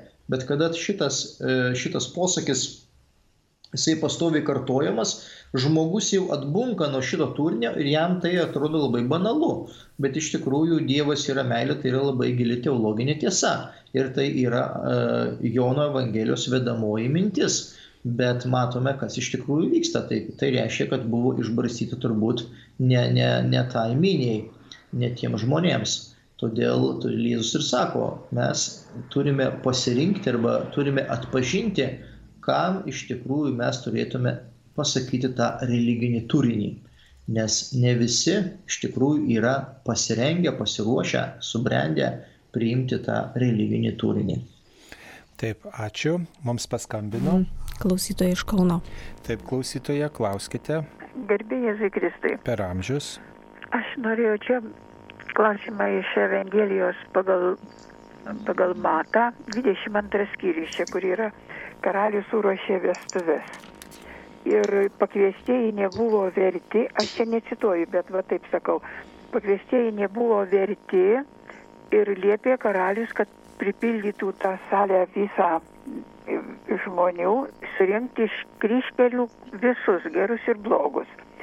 Ir kodėl tada, kai atėjo pažiūrėti karalius, rado neapsirengusi drabužių vestuvių, kodėl jį taip žiauriai nubaudė, nes jis pats ne pats atėjo į tą meniu, bet jį tiesiog varo tvarė.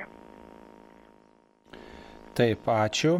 Čia Evangelija pagal Matą 22 skyrius ir čia tiesiog kalba. Devinta eilutė yra, todėl eikite į kryškelės ir ką tik rasite, kvieskite į vestuves. Tie tarnai išėjo į kelius ir surinko visus, ką tik sutiko, blogus ir gerus. Vestuvių menė buvo pilna sėdinčių už stalo.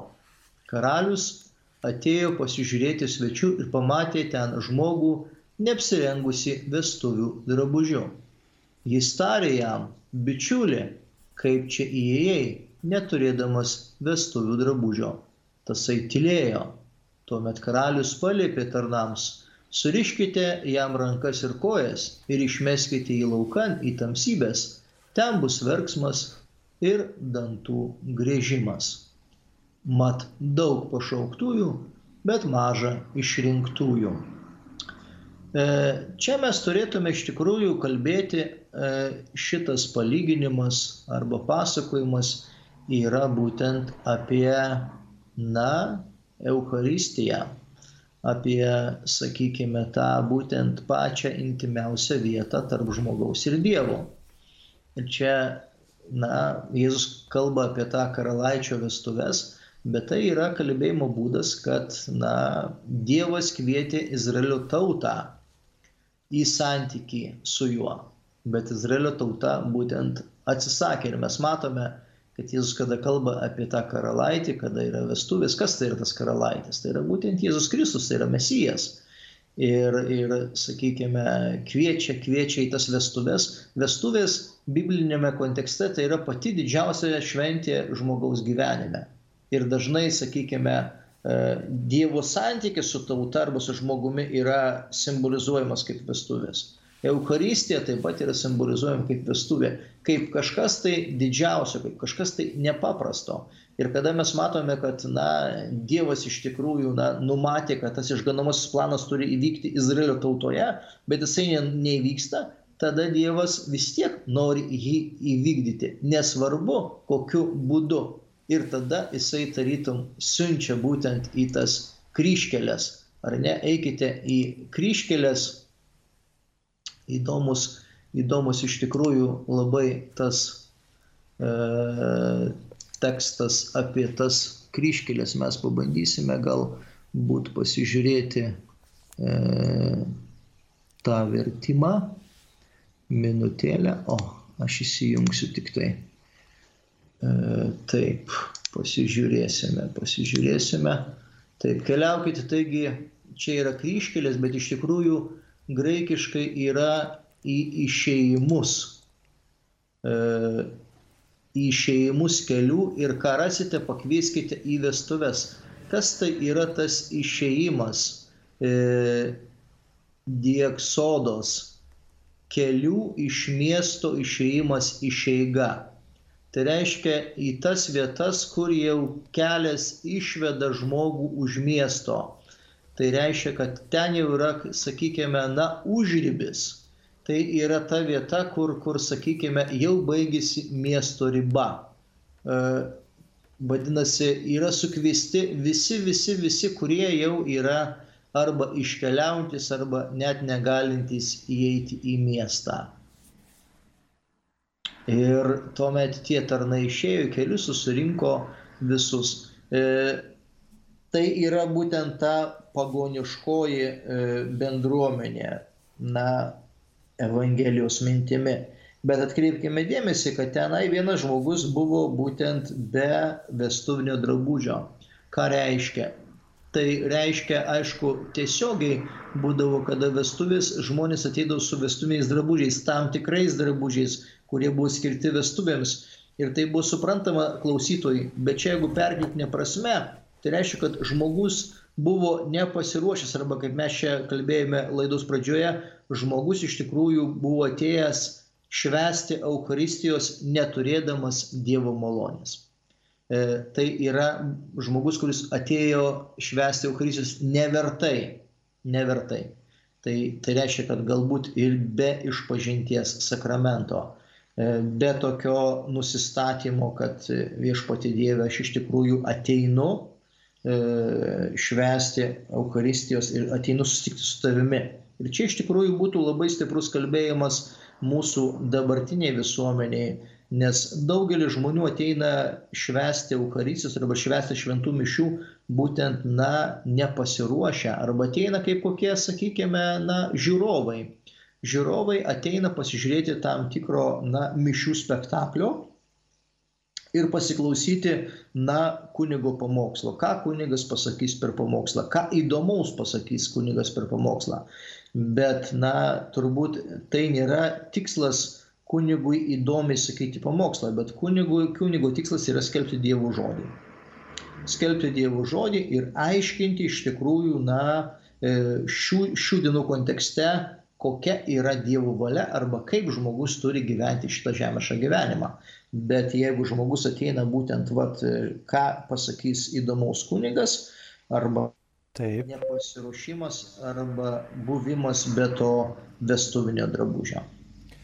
Taip, tai čia tas e, vestuvinis drabužis, tai yra tokia vidinė būsena, reikėtų taip turbūt suprasti, kad, reiškia, nuolatinė mano būsena, ar aš gatvėje esu, ar aš darže, ar aš e, dirbu, ar aš e, šiukšlės renku, ar aš vaišėse dalyvauju, ar aš kviestas ar nekviestas, visur ta vidinė tokia nuostata, pasiruošimas turi būti sutikti viešpatį, viešpatį atpažinti šalia manęs esantį kituose ir visada būti pasiruošus iškeliauti, kad širdinės lėktų sunkios nuodėmės.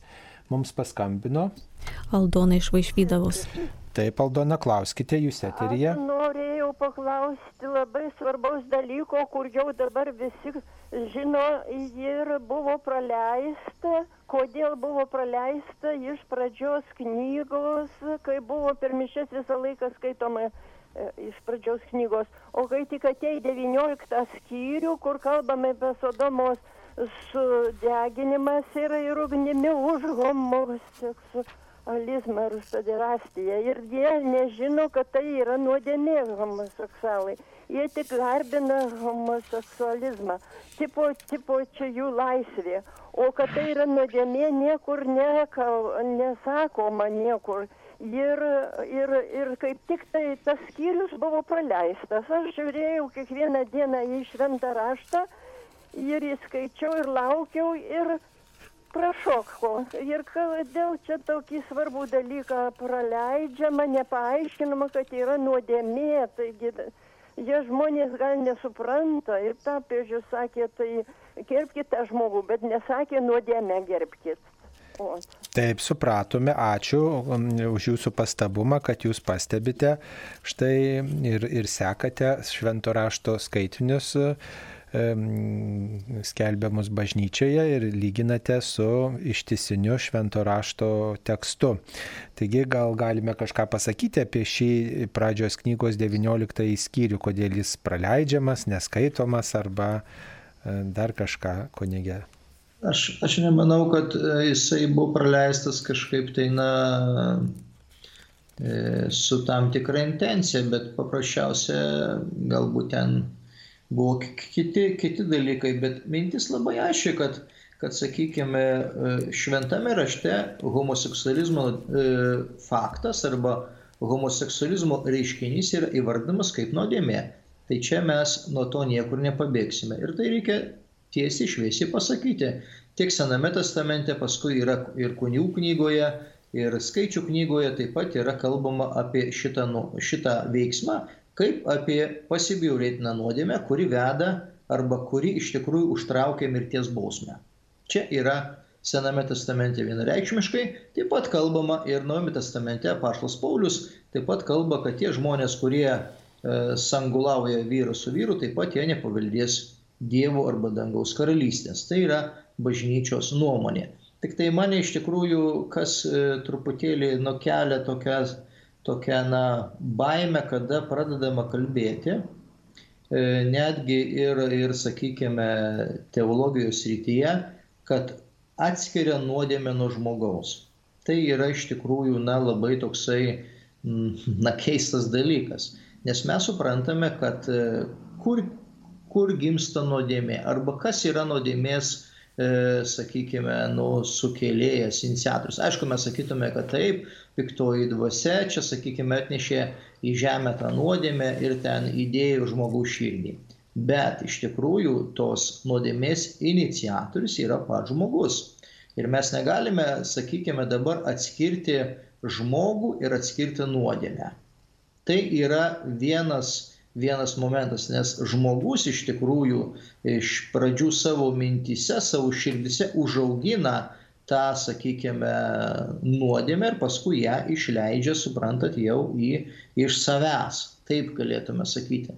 Tai, tai tarkime, jeigu žmogus padaro nuodėmę, nu, tai sakykime, tai tas žmogus nusideda. O ne taip, kad, sakykime, išeina iš žmogaus nuodėmė, kuri, kuri yra atskiras kažkoksai tai, sakykime, produktas ir, sakykime, žmogus, kuris yra Dievo kūrinys.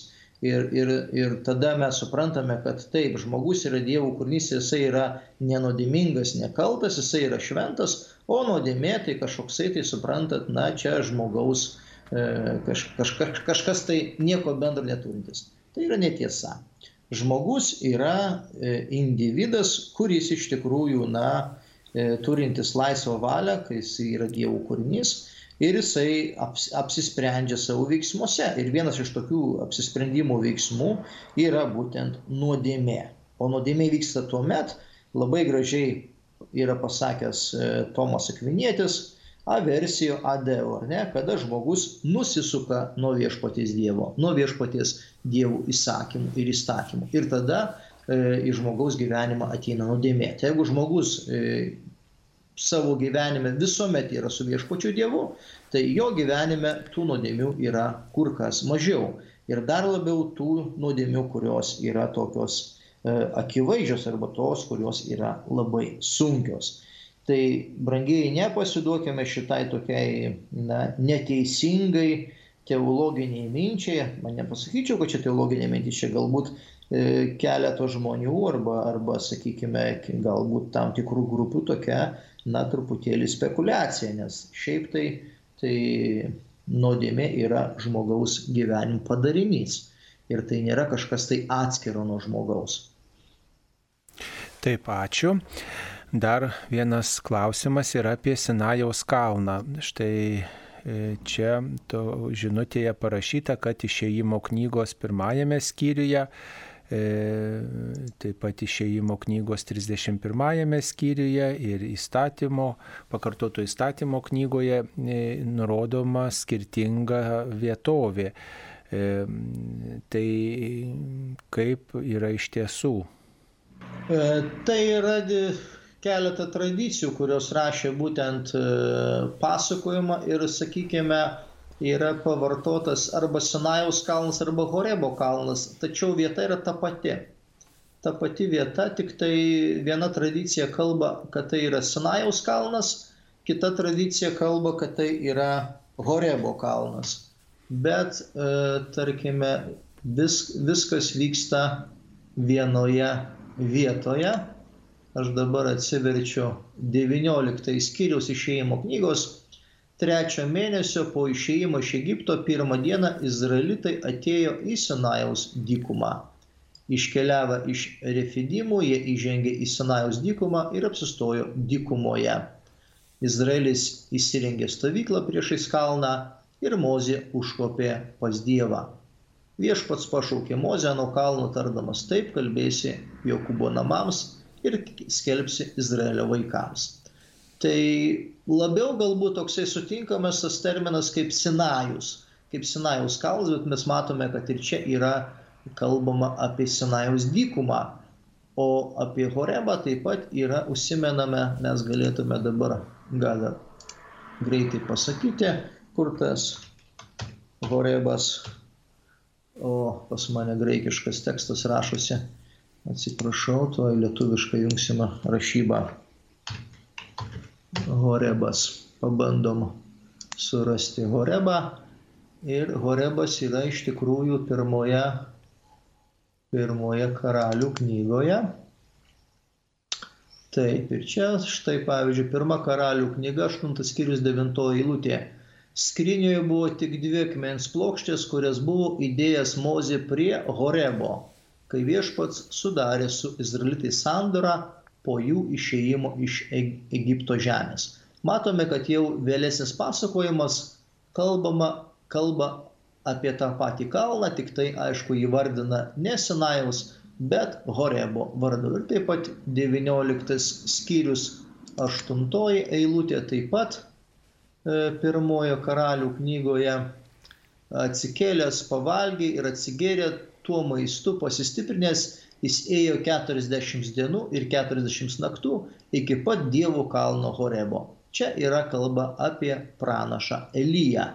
Ir matome, kaip iš tikrųjų labai gražiai sieja biblinis tekstas tiek Mozė ėjo kalbėtis ant kalno, tiek ir pranašas Elijas taip pat ėjo kalbėti su viešpačiu ant kalno. Taip, dar e, vienas, e, viena žinutė apie šventąjį Juozapą. Yra žinoma, kad Juozapas buvo Marijos globėjas, jis buvo senas, kaip jis galėjo būti jos sužadėtinis. Nesaliginai senas, jisai galėjo būti apie 30 metų, tai, tai nepasakytume turbūt, kad 30 metų žmogus senas. E, aišku, tais laikais žmogus, žmogaus trukmė būdavo iki 40 metų. Taip maždaug aišku, būdavo ir vyresnių, bet, bet vidutiniška žmogaus trukmė apie 40 metų. Tai pagal 40 metų, aišku, 30 metų jau buvo senyvas amžius, bet e, bendrai paėmus tai buvo jau subrendęs vyras, subrendęs žmogus. O tarkime, merginos, kurios tuokdavosi ir kurios gimdydavo, tai jų amžius būdavo 12-14 metų. Tai me, mūsų laikais dabar pasakytume, kad dar paaugliai ir niekas neleistų 12 arba 14 metų mergaitį tenai sudaryti santoką. Na, bet tais laikais buvo e, kitos tradicijos ir aišku, na, buvo labai trumpas žmogaus gyvenimo laikas. Dėl to žmonės skubėdavo gyventi, susilaukti palikonių, sudaryti šeimą ir dėl to e, tokia buvo praktika. Bet jokiais būdais mes negalim pasakyti, kad ten Juozapas buvo jau senukas vaikščiantis su lasda. Taip nebuvo. 30 metų vyras jisai dar buvo gan stiprus ir tvirtas. Na, tas e, vaizdavimas vyresnio žmogaus dailėje turbūt tokiu būdu norima pa, paliudyti, reiškia, apie tą skaistumą, tyrumą. E, kuri... Ir išminti, ir išminti patirtį, būtent, kurią įgyjo Taip, dar viena žinutė apie e, santoką ir litiškų e, vaisingumo pribojimą. Ar naudojant kontracepciją santokoje išpažintis ir išrišimas nebegalimi, kol užkertamas kelias naujai gyvybei na, e, išrišimas e, galbūt ir negalimas tokiais atvejais, tačiau iš pažinties vis tiek reikėtų eiti. E, tai yra būdas vis dėlto ugdyti tą atgailos dvasę. Jūs gausite palaiminimą ir gausite patarimą, padrasinimą, paskatinimą. Štai nereikėtų turbūt atsisakyti nuo tos išpažinties netgi ir tada, kai negalime gauti išrišimo. Tai yra būdas vis dėlto uh, puoselėti mūsų ir tam tikrą pamaldumą ir, ir tą atgaivos nuotaiką. Taip, dabar dar vienas klausimas apie mm, e, Ananiją, e, kuri ištiko jį ir jo žmoną mm, bausmė E, už apgavystę, bet tai neįtikina, ar jis suprantama pažodžiu ar kažkaip kitaip. Čia atrodo apaštalų darbuose apie tai rašoma, apaštalų darbų berods dešimtajame skyriuje. E, ką tuo norima pasakyti? E, čia iš tikrųjų yra toks labai tiesmukiškas pasakojimas ir galbūt reikėtų jį interpretuoti ir tiesiogiai, kad e, pirmosios bažnyčios gyvenimas buvo, na, tikra komunija, kad visi gyveno bendrą, bendrą gyvenimą ir turėjo tą bendrą gėrį. Ir mes matome tą vat, e, pasakojimą, kad Ananijas iš tikrųjų su savo žmona, jisai pardavė savo turtą ir iš tikrųjų atnešė ne visus e, pinigus, kuriuos gavo už tą parduotą turtą. Ir dėl to e, jie patyrė didžiausią bausmę. Jie numirė, iš jų buvo būtent na, atimta gyvybė. Tai reiškia toksai kalbėjimo būdas, kad na, žmogus iš tikrųjų nu, nu kitą gali žmogų apgauti, bet dievus jisai tikrai neapgaus. Ir kas yra žmoguje vertingiausia? Vertingiausia yra būtent gyvybė. Ir Dievas iš tikrųjų, na, iš to žmogaus atimė tą gyvybę. Dėl ko atimė? Dėl to, kad žmogus būtent sumelavo. Ir tas vat, melas iš, iš karto jisai mus nukelia į pradžios knygos trečią skyrių, kur piktoji dvasia, jinai iš tikrųjų tai yra melo iniciatorė. Ir jinai būtent e, sugundo, sugundo Dievą ir sako, jūs sako, nemirsite, bet būsite kaip dievai arba tapsite kaip dievai. Ir čia, čia iš tikrųjų labai, labai toksai stiprus tekstas, kurį verta paskaityti. Aš dabar ieškau, bet žinau, kaip nerandu, kuriam čia skyriuje. Apaštalų darbų penktajame skyriuje. Penktas skyrius, o matai, penktas skyrius čia yra apie va, Ananijo ir, Ananijo ir Safyros apgaulę. Va. Tai būtų toks atsakymas Taip, tai čia reikia turbūt suprasti, kad tiesiog toliau nuo veidmainystės mes esam kviečiami laikytis. Taip, Juozapas turėjo šeimą ar ne, juk Marija jam buvo antroji. Na, toks klausimas, tai nežinome turbūt apie čia. Na... Mes nežinome, ar Marija jam buvo antroji, bet Biblija apie tai nesako, kad buvo antroji, bet kažkaip tai visada mes suprantame, kad tai buvo pirmoji jam žmona ir vienintelė, kurią jis labai gerbė ir mm, Taip, dar viena žinutė mm, tokia, mm, kiek, kiek laiko vyko Jėzaus mokymas. Na, tai turime tradiciją iš tikrųjų, kad Jėzus, Jėzus mokė mokinius tris metus, nes irgi, vat, kada mes prisilietėme prie to tų metų skaičiaus, tai tarkime, e, buvo suprantama, kad brandos arba subrendęs žmogus yra 30 metų, kuris gali jau pasisakyti viešai ir skelbti jau Dievo žodį. Tai Jėzus Kristus pradeda 30 metų savo viešą veiklą, kada jisai jau išpildo tą reikalavimą. 30 metų jisai jau viešai gali skelbti Dievo žodį savo įsitikinimus, ne? Ir tada, na, e, ir istorikai, ir, ir sakykime, mokslininkai aiškina, kad truko tris metus Jėzaus e, skelbiamas tas žodis ir, ir bendravimas su mokiniais, su, su kitais žmonėmis ir paskui po trijų metų, na, įvyko tas Jėzus suėmimas, kančia mirtis ir prisikėlimas. Taip, ar šventajame rašte esantis Judo laiškas, tai yra Naujajame testamente, yra Judo Tado, kuris yra globėjas beviltiškoje padėtyje?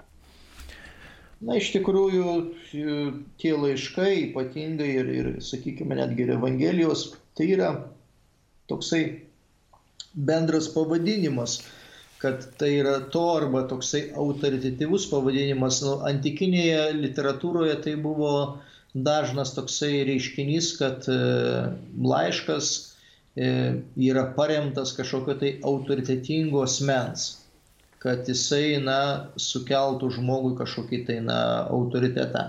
Bet iš tikrųjų tai turbūt e, galbūt tenai yra kažkokia tai dalis arba kažkokia tai idėja būtent judotado, bet, bet tai bendrai kalbant, tai yra jau pirmosios bažnyčios E, sakykime, na, redakcija, taip pat kaip ir Evangelijos. Aš žinokit, turiu išvažiuoti, nes aš Taip. turiu 11 val. Seredžiuje pirmosios komunijos, pirmosios išpažinties vaikučių susitikimą, tai aš turiu su visais atsisveikinti. Taip, tai ačiū. Ačiū Jums. Savaitgalio viešpaties palaimos ir palaimingų metų. Taip, ačiū Jums, mielas kunigė Linai, mėly Marijos radio klausytojai.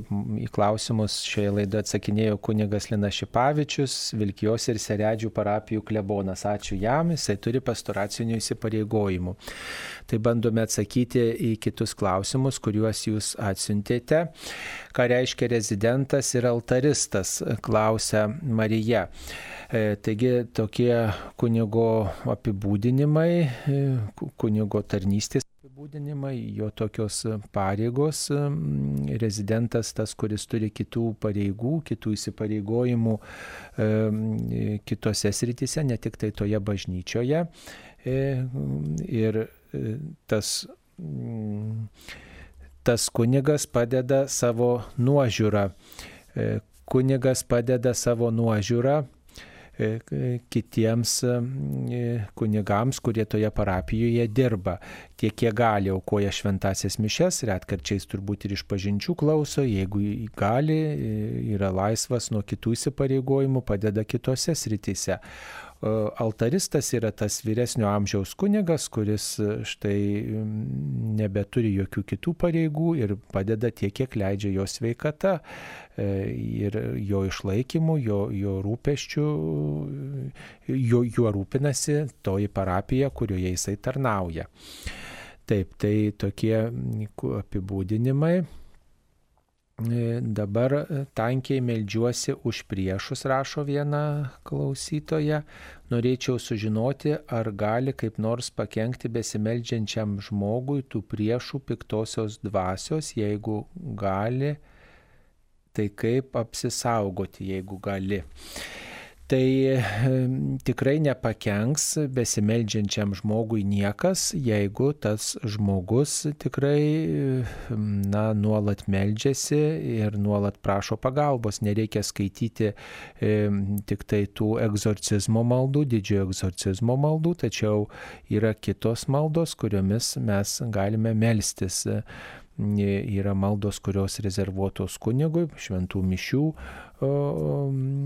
tekstai, maldos, kunigas jomis meldžiasi per šventasias mišes, egzorcizmus atlikti turi, reiškia, tokią tokią pareigą ir, ir tą paskirimą kunigas, kuris skiriamas vyskupo tai tarnystėj ir specialio maldo meldžiasi, tačiau yra maldos, kurios, kuriomis meldžiamės mes pasauliečiai, jūs pasauliečiai ir kiti kunigai, kurie štai gali gali padėti ir nori padėti kitiems žmonėms atakuojamiems įvairiausių negandų. Ir nebijokit, kad jūs už tą žmogų, kuris varginamas ar skriaudžiamas, kad jūs besimelsdamas jūs į save atkreipsite tą blogį. Tikrai e, blogis jis visus atakuoja, tačiau jūs darote Dievo darbą, jūs stojate Dievo pusėn ir Dievas tikrai, jeigu ir duos jums kokių išbandymų, bet duos ir pagalbą reikalingą jūsų gyvenime. E, taip. Ar per Švento Petro ir Pauliaus šventę privaloma eiti į bažnyčią ir kilintą dieną ji bus? Tai čia labai paprastas klausimas. Petro ir Pauliaus šventė yra e, Birželio 29 dieną ir tai nėra privaloma šventė, kurią turėtume dalyvauti bažnyčioje. Tačiau reikia pasakyti, kad tą dieną aplankius katedrą arba mažosios bazilikos titulą turinčią bažnyčią ir pamaldžiai pasimeldus viešpaties maldą, tai yra tėvė mūsų, bei tikėjimo išpažinimą, jeigu žmogus nėra prisirišęs prie jokios sunkios nuodėmės, o jei prisirišęs tai atlikęs išpažinti ir prieimę šventąją komuniją ir pasimeldęs popiežiaus intencijoje, gauna visuotinius atlaidus. Kitaip sakant, tą dieną skiriami visuotiniai atlaidai e, tam, kuris aplanko katedrą arba mažosios bazilikos titulą turinčią bažnyčią. E, taigi pasinaudokim šią galimybę ir šią iškilmės dieną dalyvaukime šventose mišiuose, ypatingai katedrose ar bazilikose. Tai yra proga kaip tik tai už save arba už mirusius artimuosius, mirusius žmonės skirti atlaidus. Tai bažnyčios tokia malonė suteikiama.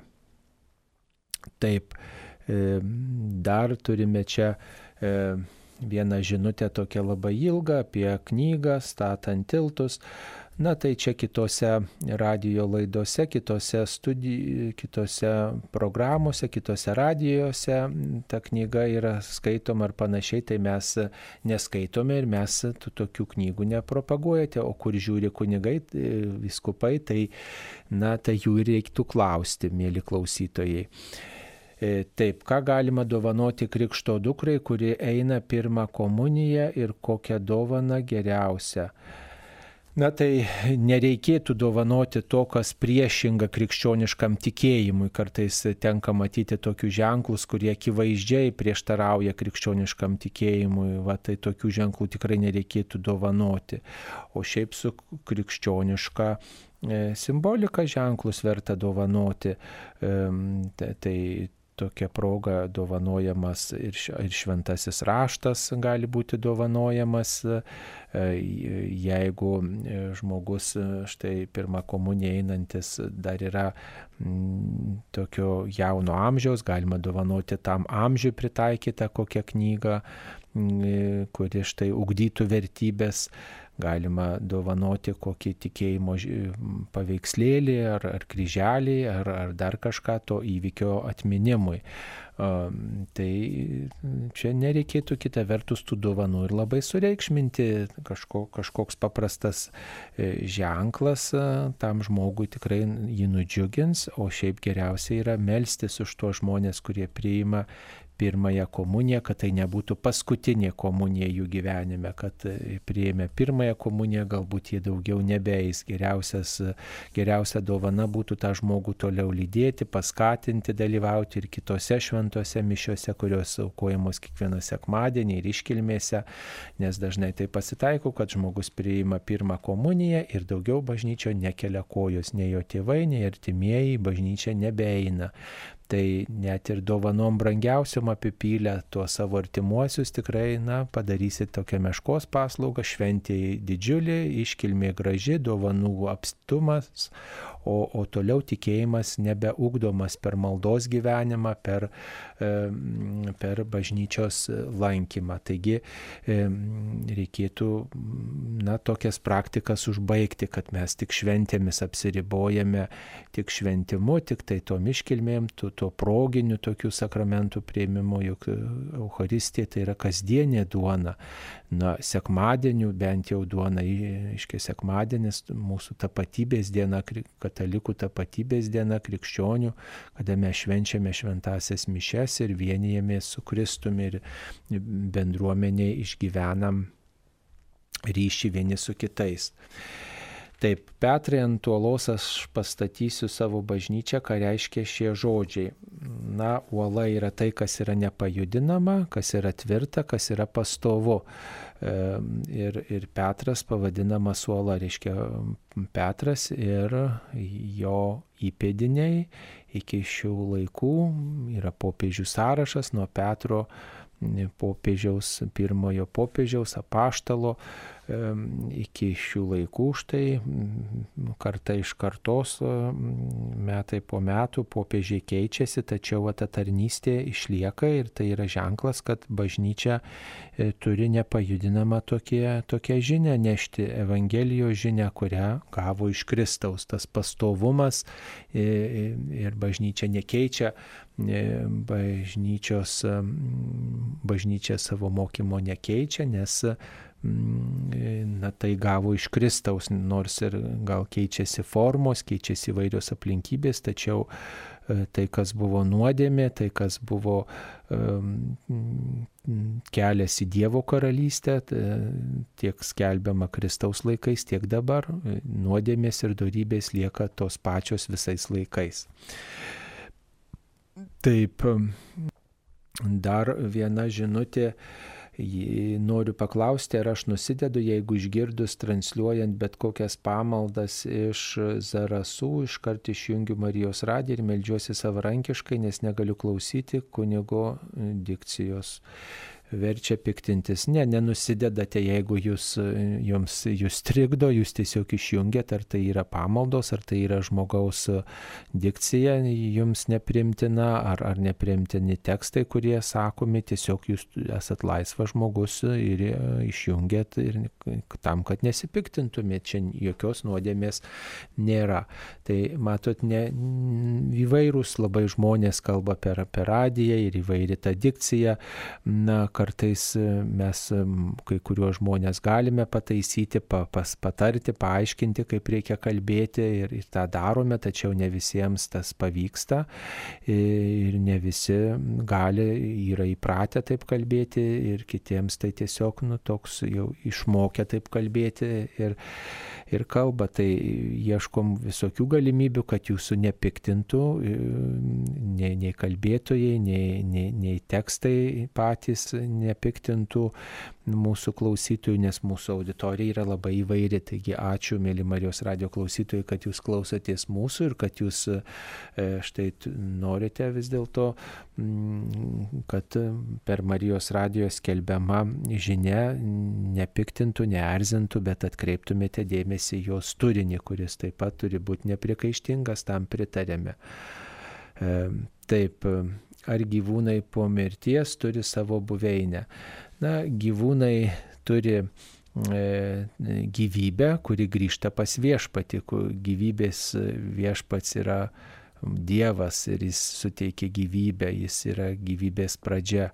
Tai apie tai šventam rašte apie gyvūnų rojų niekas e, nesakoma, kad ten gyvūnai turi savo rojų, nes šventasis raštas ir bažnyčios mokymas kalba apie apie žmogaus ir Dievo santyki. Gyvūnai tai yra gražus, iškilus tokie mūsų bendra keleiviai, gal palidovai, e, kurie mums padeda, kuriuos mes naudojame maistui, kurie yra štai kūrinijos dalis, bet kūrinijos viršūnė yra pats žmogus, kurtas pagal Dievo paveikslą ir panašumą. Ir jeigu mums rūpi Dievas, tai visi tie kūriniai kažkokiu būdu kurie štai rūpi apie mus, tikrai mm, nebus nurašyti, turbūt mes turbūt savitų būdų juos, juos galėsime sutikti Dievo karalystėje, nežinom kaip tai bus, tačiau mums pakaks viešpaties paties gyvybės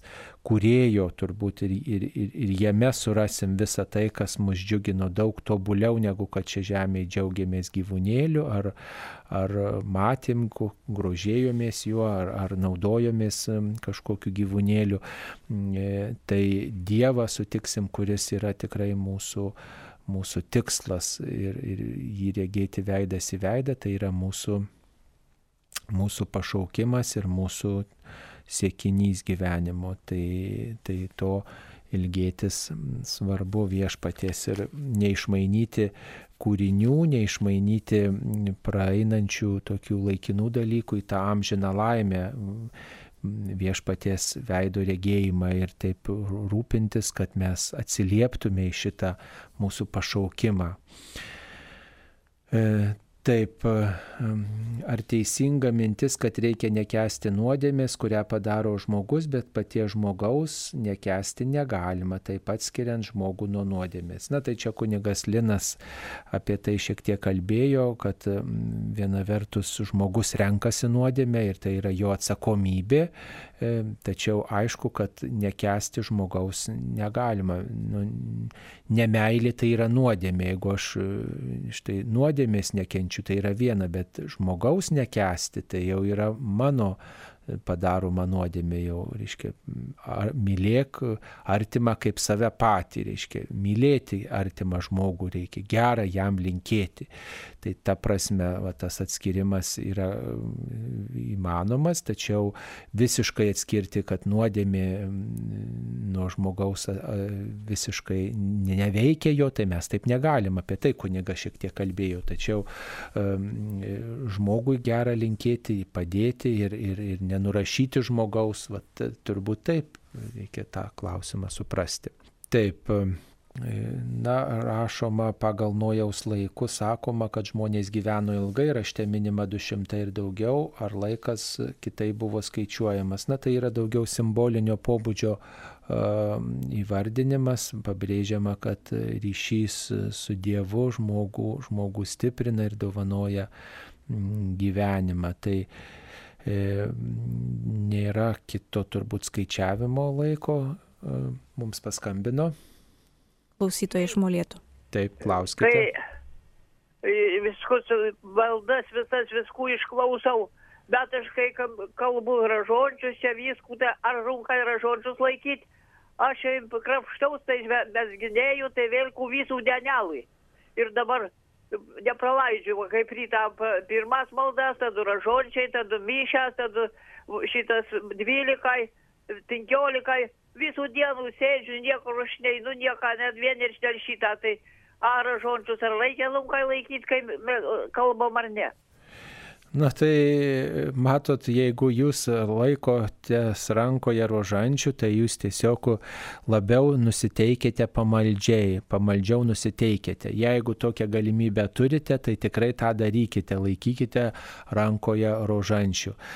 Dabar rožančių yra visokiausių, galima rožančių turėti visai netoli, ant lovos, prie lovos, virtuvėje, dar kažkur, kur, kur mes girdime Marijos radiją, laikydami klausydami rožančių mes labiau susikaupėme, tai yra meditacijos, meditacijai padedantis įrankis ir kartu tai yra, na, toks ženklas, kad aš tai pinu maldos vainiką savo troškimų, darybių vainiką mergeliai Marijai, kartu su Marija, kartu viešpati šlovinu ir šlovės tą vainiką pinu Dievui, tokiu būdu labiau širdį atveriu, padeda nepamesti maldo žodžių, tiesiog štai tas vainikėlis visada galima žvilgtelti į kryželį, e, kuris prie rožantėlio pritvirtintas, tai skatina pamaldumą, va, tai yra pamaldumo priemonė, kuri mūsų tikėjimui pagalba yra, o jeigu mes kažką krapštomės, kažką kuičiamės, tai ta malda tokia tarsi atskiesta būtų, nu, tai tarsi atskiestumėt savo, sa, sa, savo darbą, na, kaip sakykime, gėrimą atskiedžiame, taip, juo pasisotiname, tačiau tai nėra grinas tarsi produktas, taip pasakykime. Nežinau, gal nelabai vykęs čia palyginimas toksai, bet mm, e, jeigu melžiamės, tai tiesiog melsti svarbu visą širdimi Dievo, Dievą šlovinti. Aišku, jeigu pavyzdžiui jūs, mes rožinį transliuojame keletą kartų per dieną ir jūs dalyvaujate toj maldoj kelis kartus per dieną, tai gal jūsų darbai lieka nepadaryti ir panašiai. E, žinoma, tačiau bent vieną tokį rožinį sukalbėti, va štai pamaldžiai, susikaupus, laikant rankose vėrinėlį tikrai reikėtų. Va, tai, o kiti paskui tos maldos kitos, jeigu jūs ir, ir, ir neturėsite, na tai gal ir kuisitės, darysit kažką, krapštinėsitės, nu tai žinoma, reikia ir darbus nudirbti, tačiau na, vat, kad mūsų malda tikrai būtų tokia pilna pasišventimo. Irgi tą reikia atrasti, kad skirtume laiko tik Dievui, nieko daugiau neveiktume. Tai va tą turėkite. Gerai, dar vienas paskutinis klausimas. Per šventą Joną namuose tvarkiausi, tačiau kiek abejojau, gal tai buvo šventa diena ar padariau nuodėmę ir reikia išpažinties. E, na tai nereikia dėl to eiti iš pažinties, tvarkėtės ir ačiū Dievui, tai yra graži mm, iškilmė, tačiau nėra privaloma iškilmė Jono diena ir mm, susitvarkėt namus, ačiū Dievui. Svarbiausia, kad sekmadieniais dalyvautumėte šventose mišiuose. Sekmadienis yra svarbiausia diena, kurią tikrai turėtume išskirti viešpaties e, prisikėlimo dieną, mažasias Velykas ir tą dieną tikrai išvestume, dalyvaudami šventose mišiuose, bendraudami su kitais žmonėms, galbūt patarnaudami kažkam. Ta diena turi išsiskirti mūsų gyvenime. Tai va apie tai daugiau pagalvokite.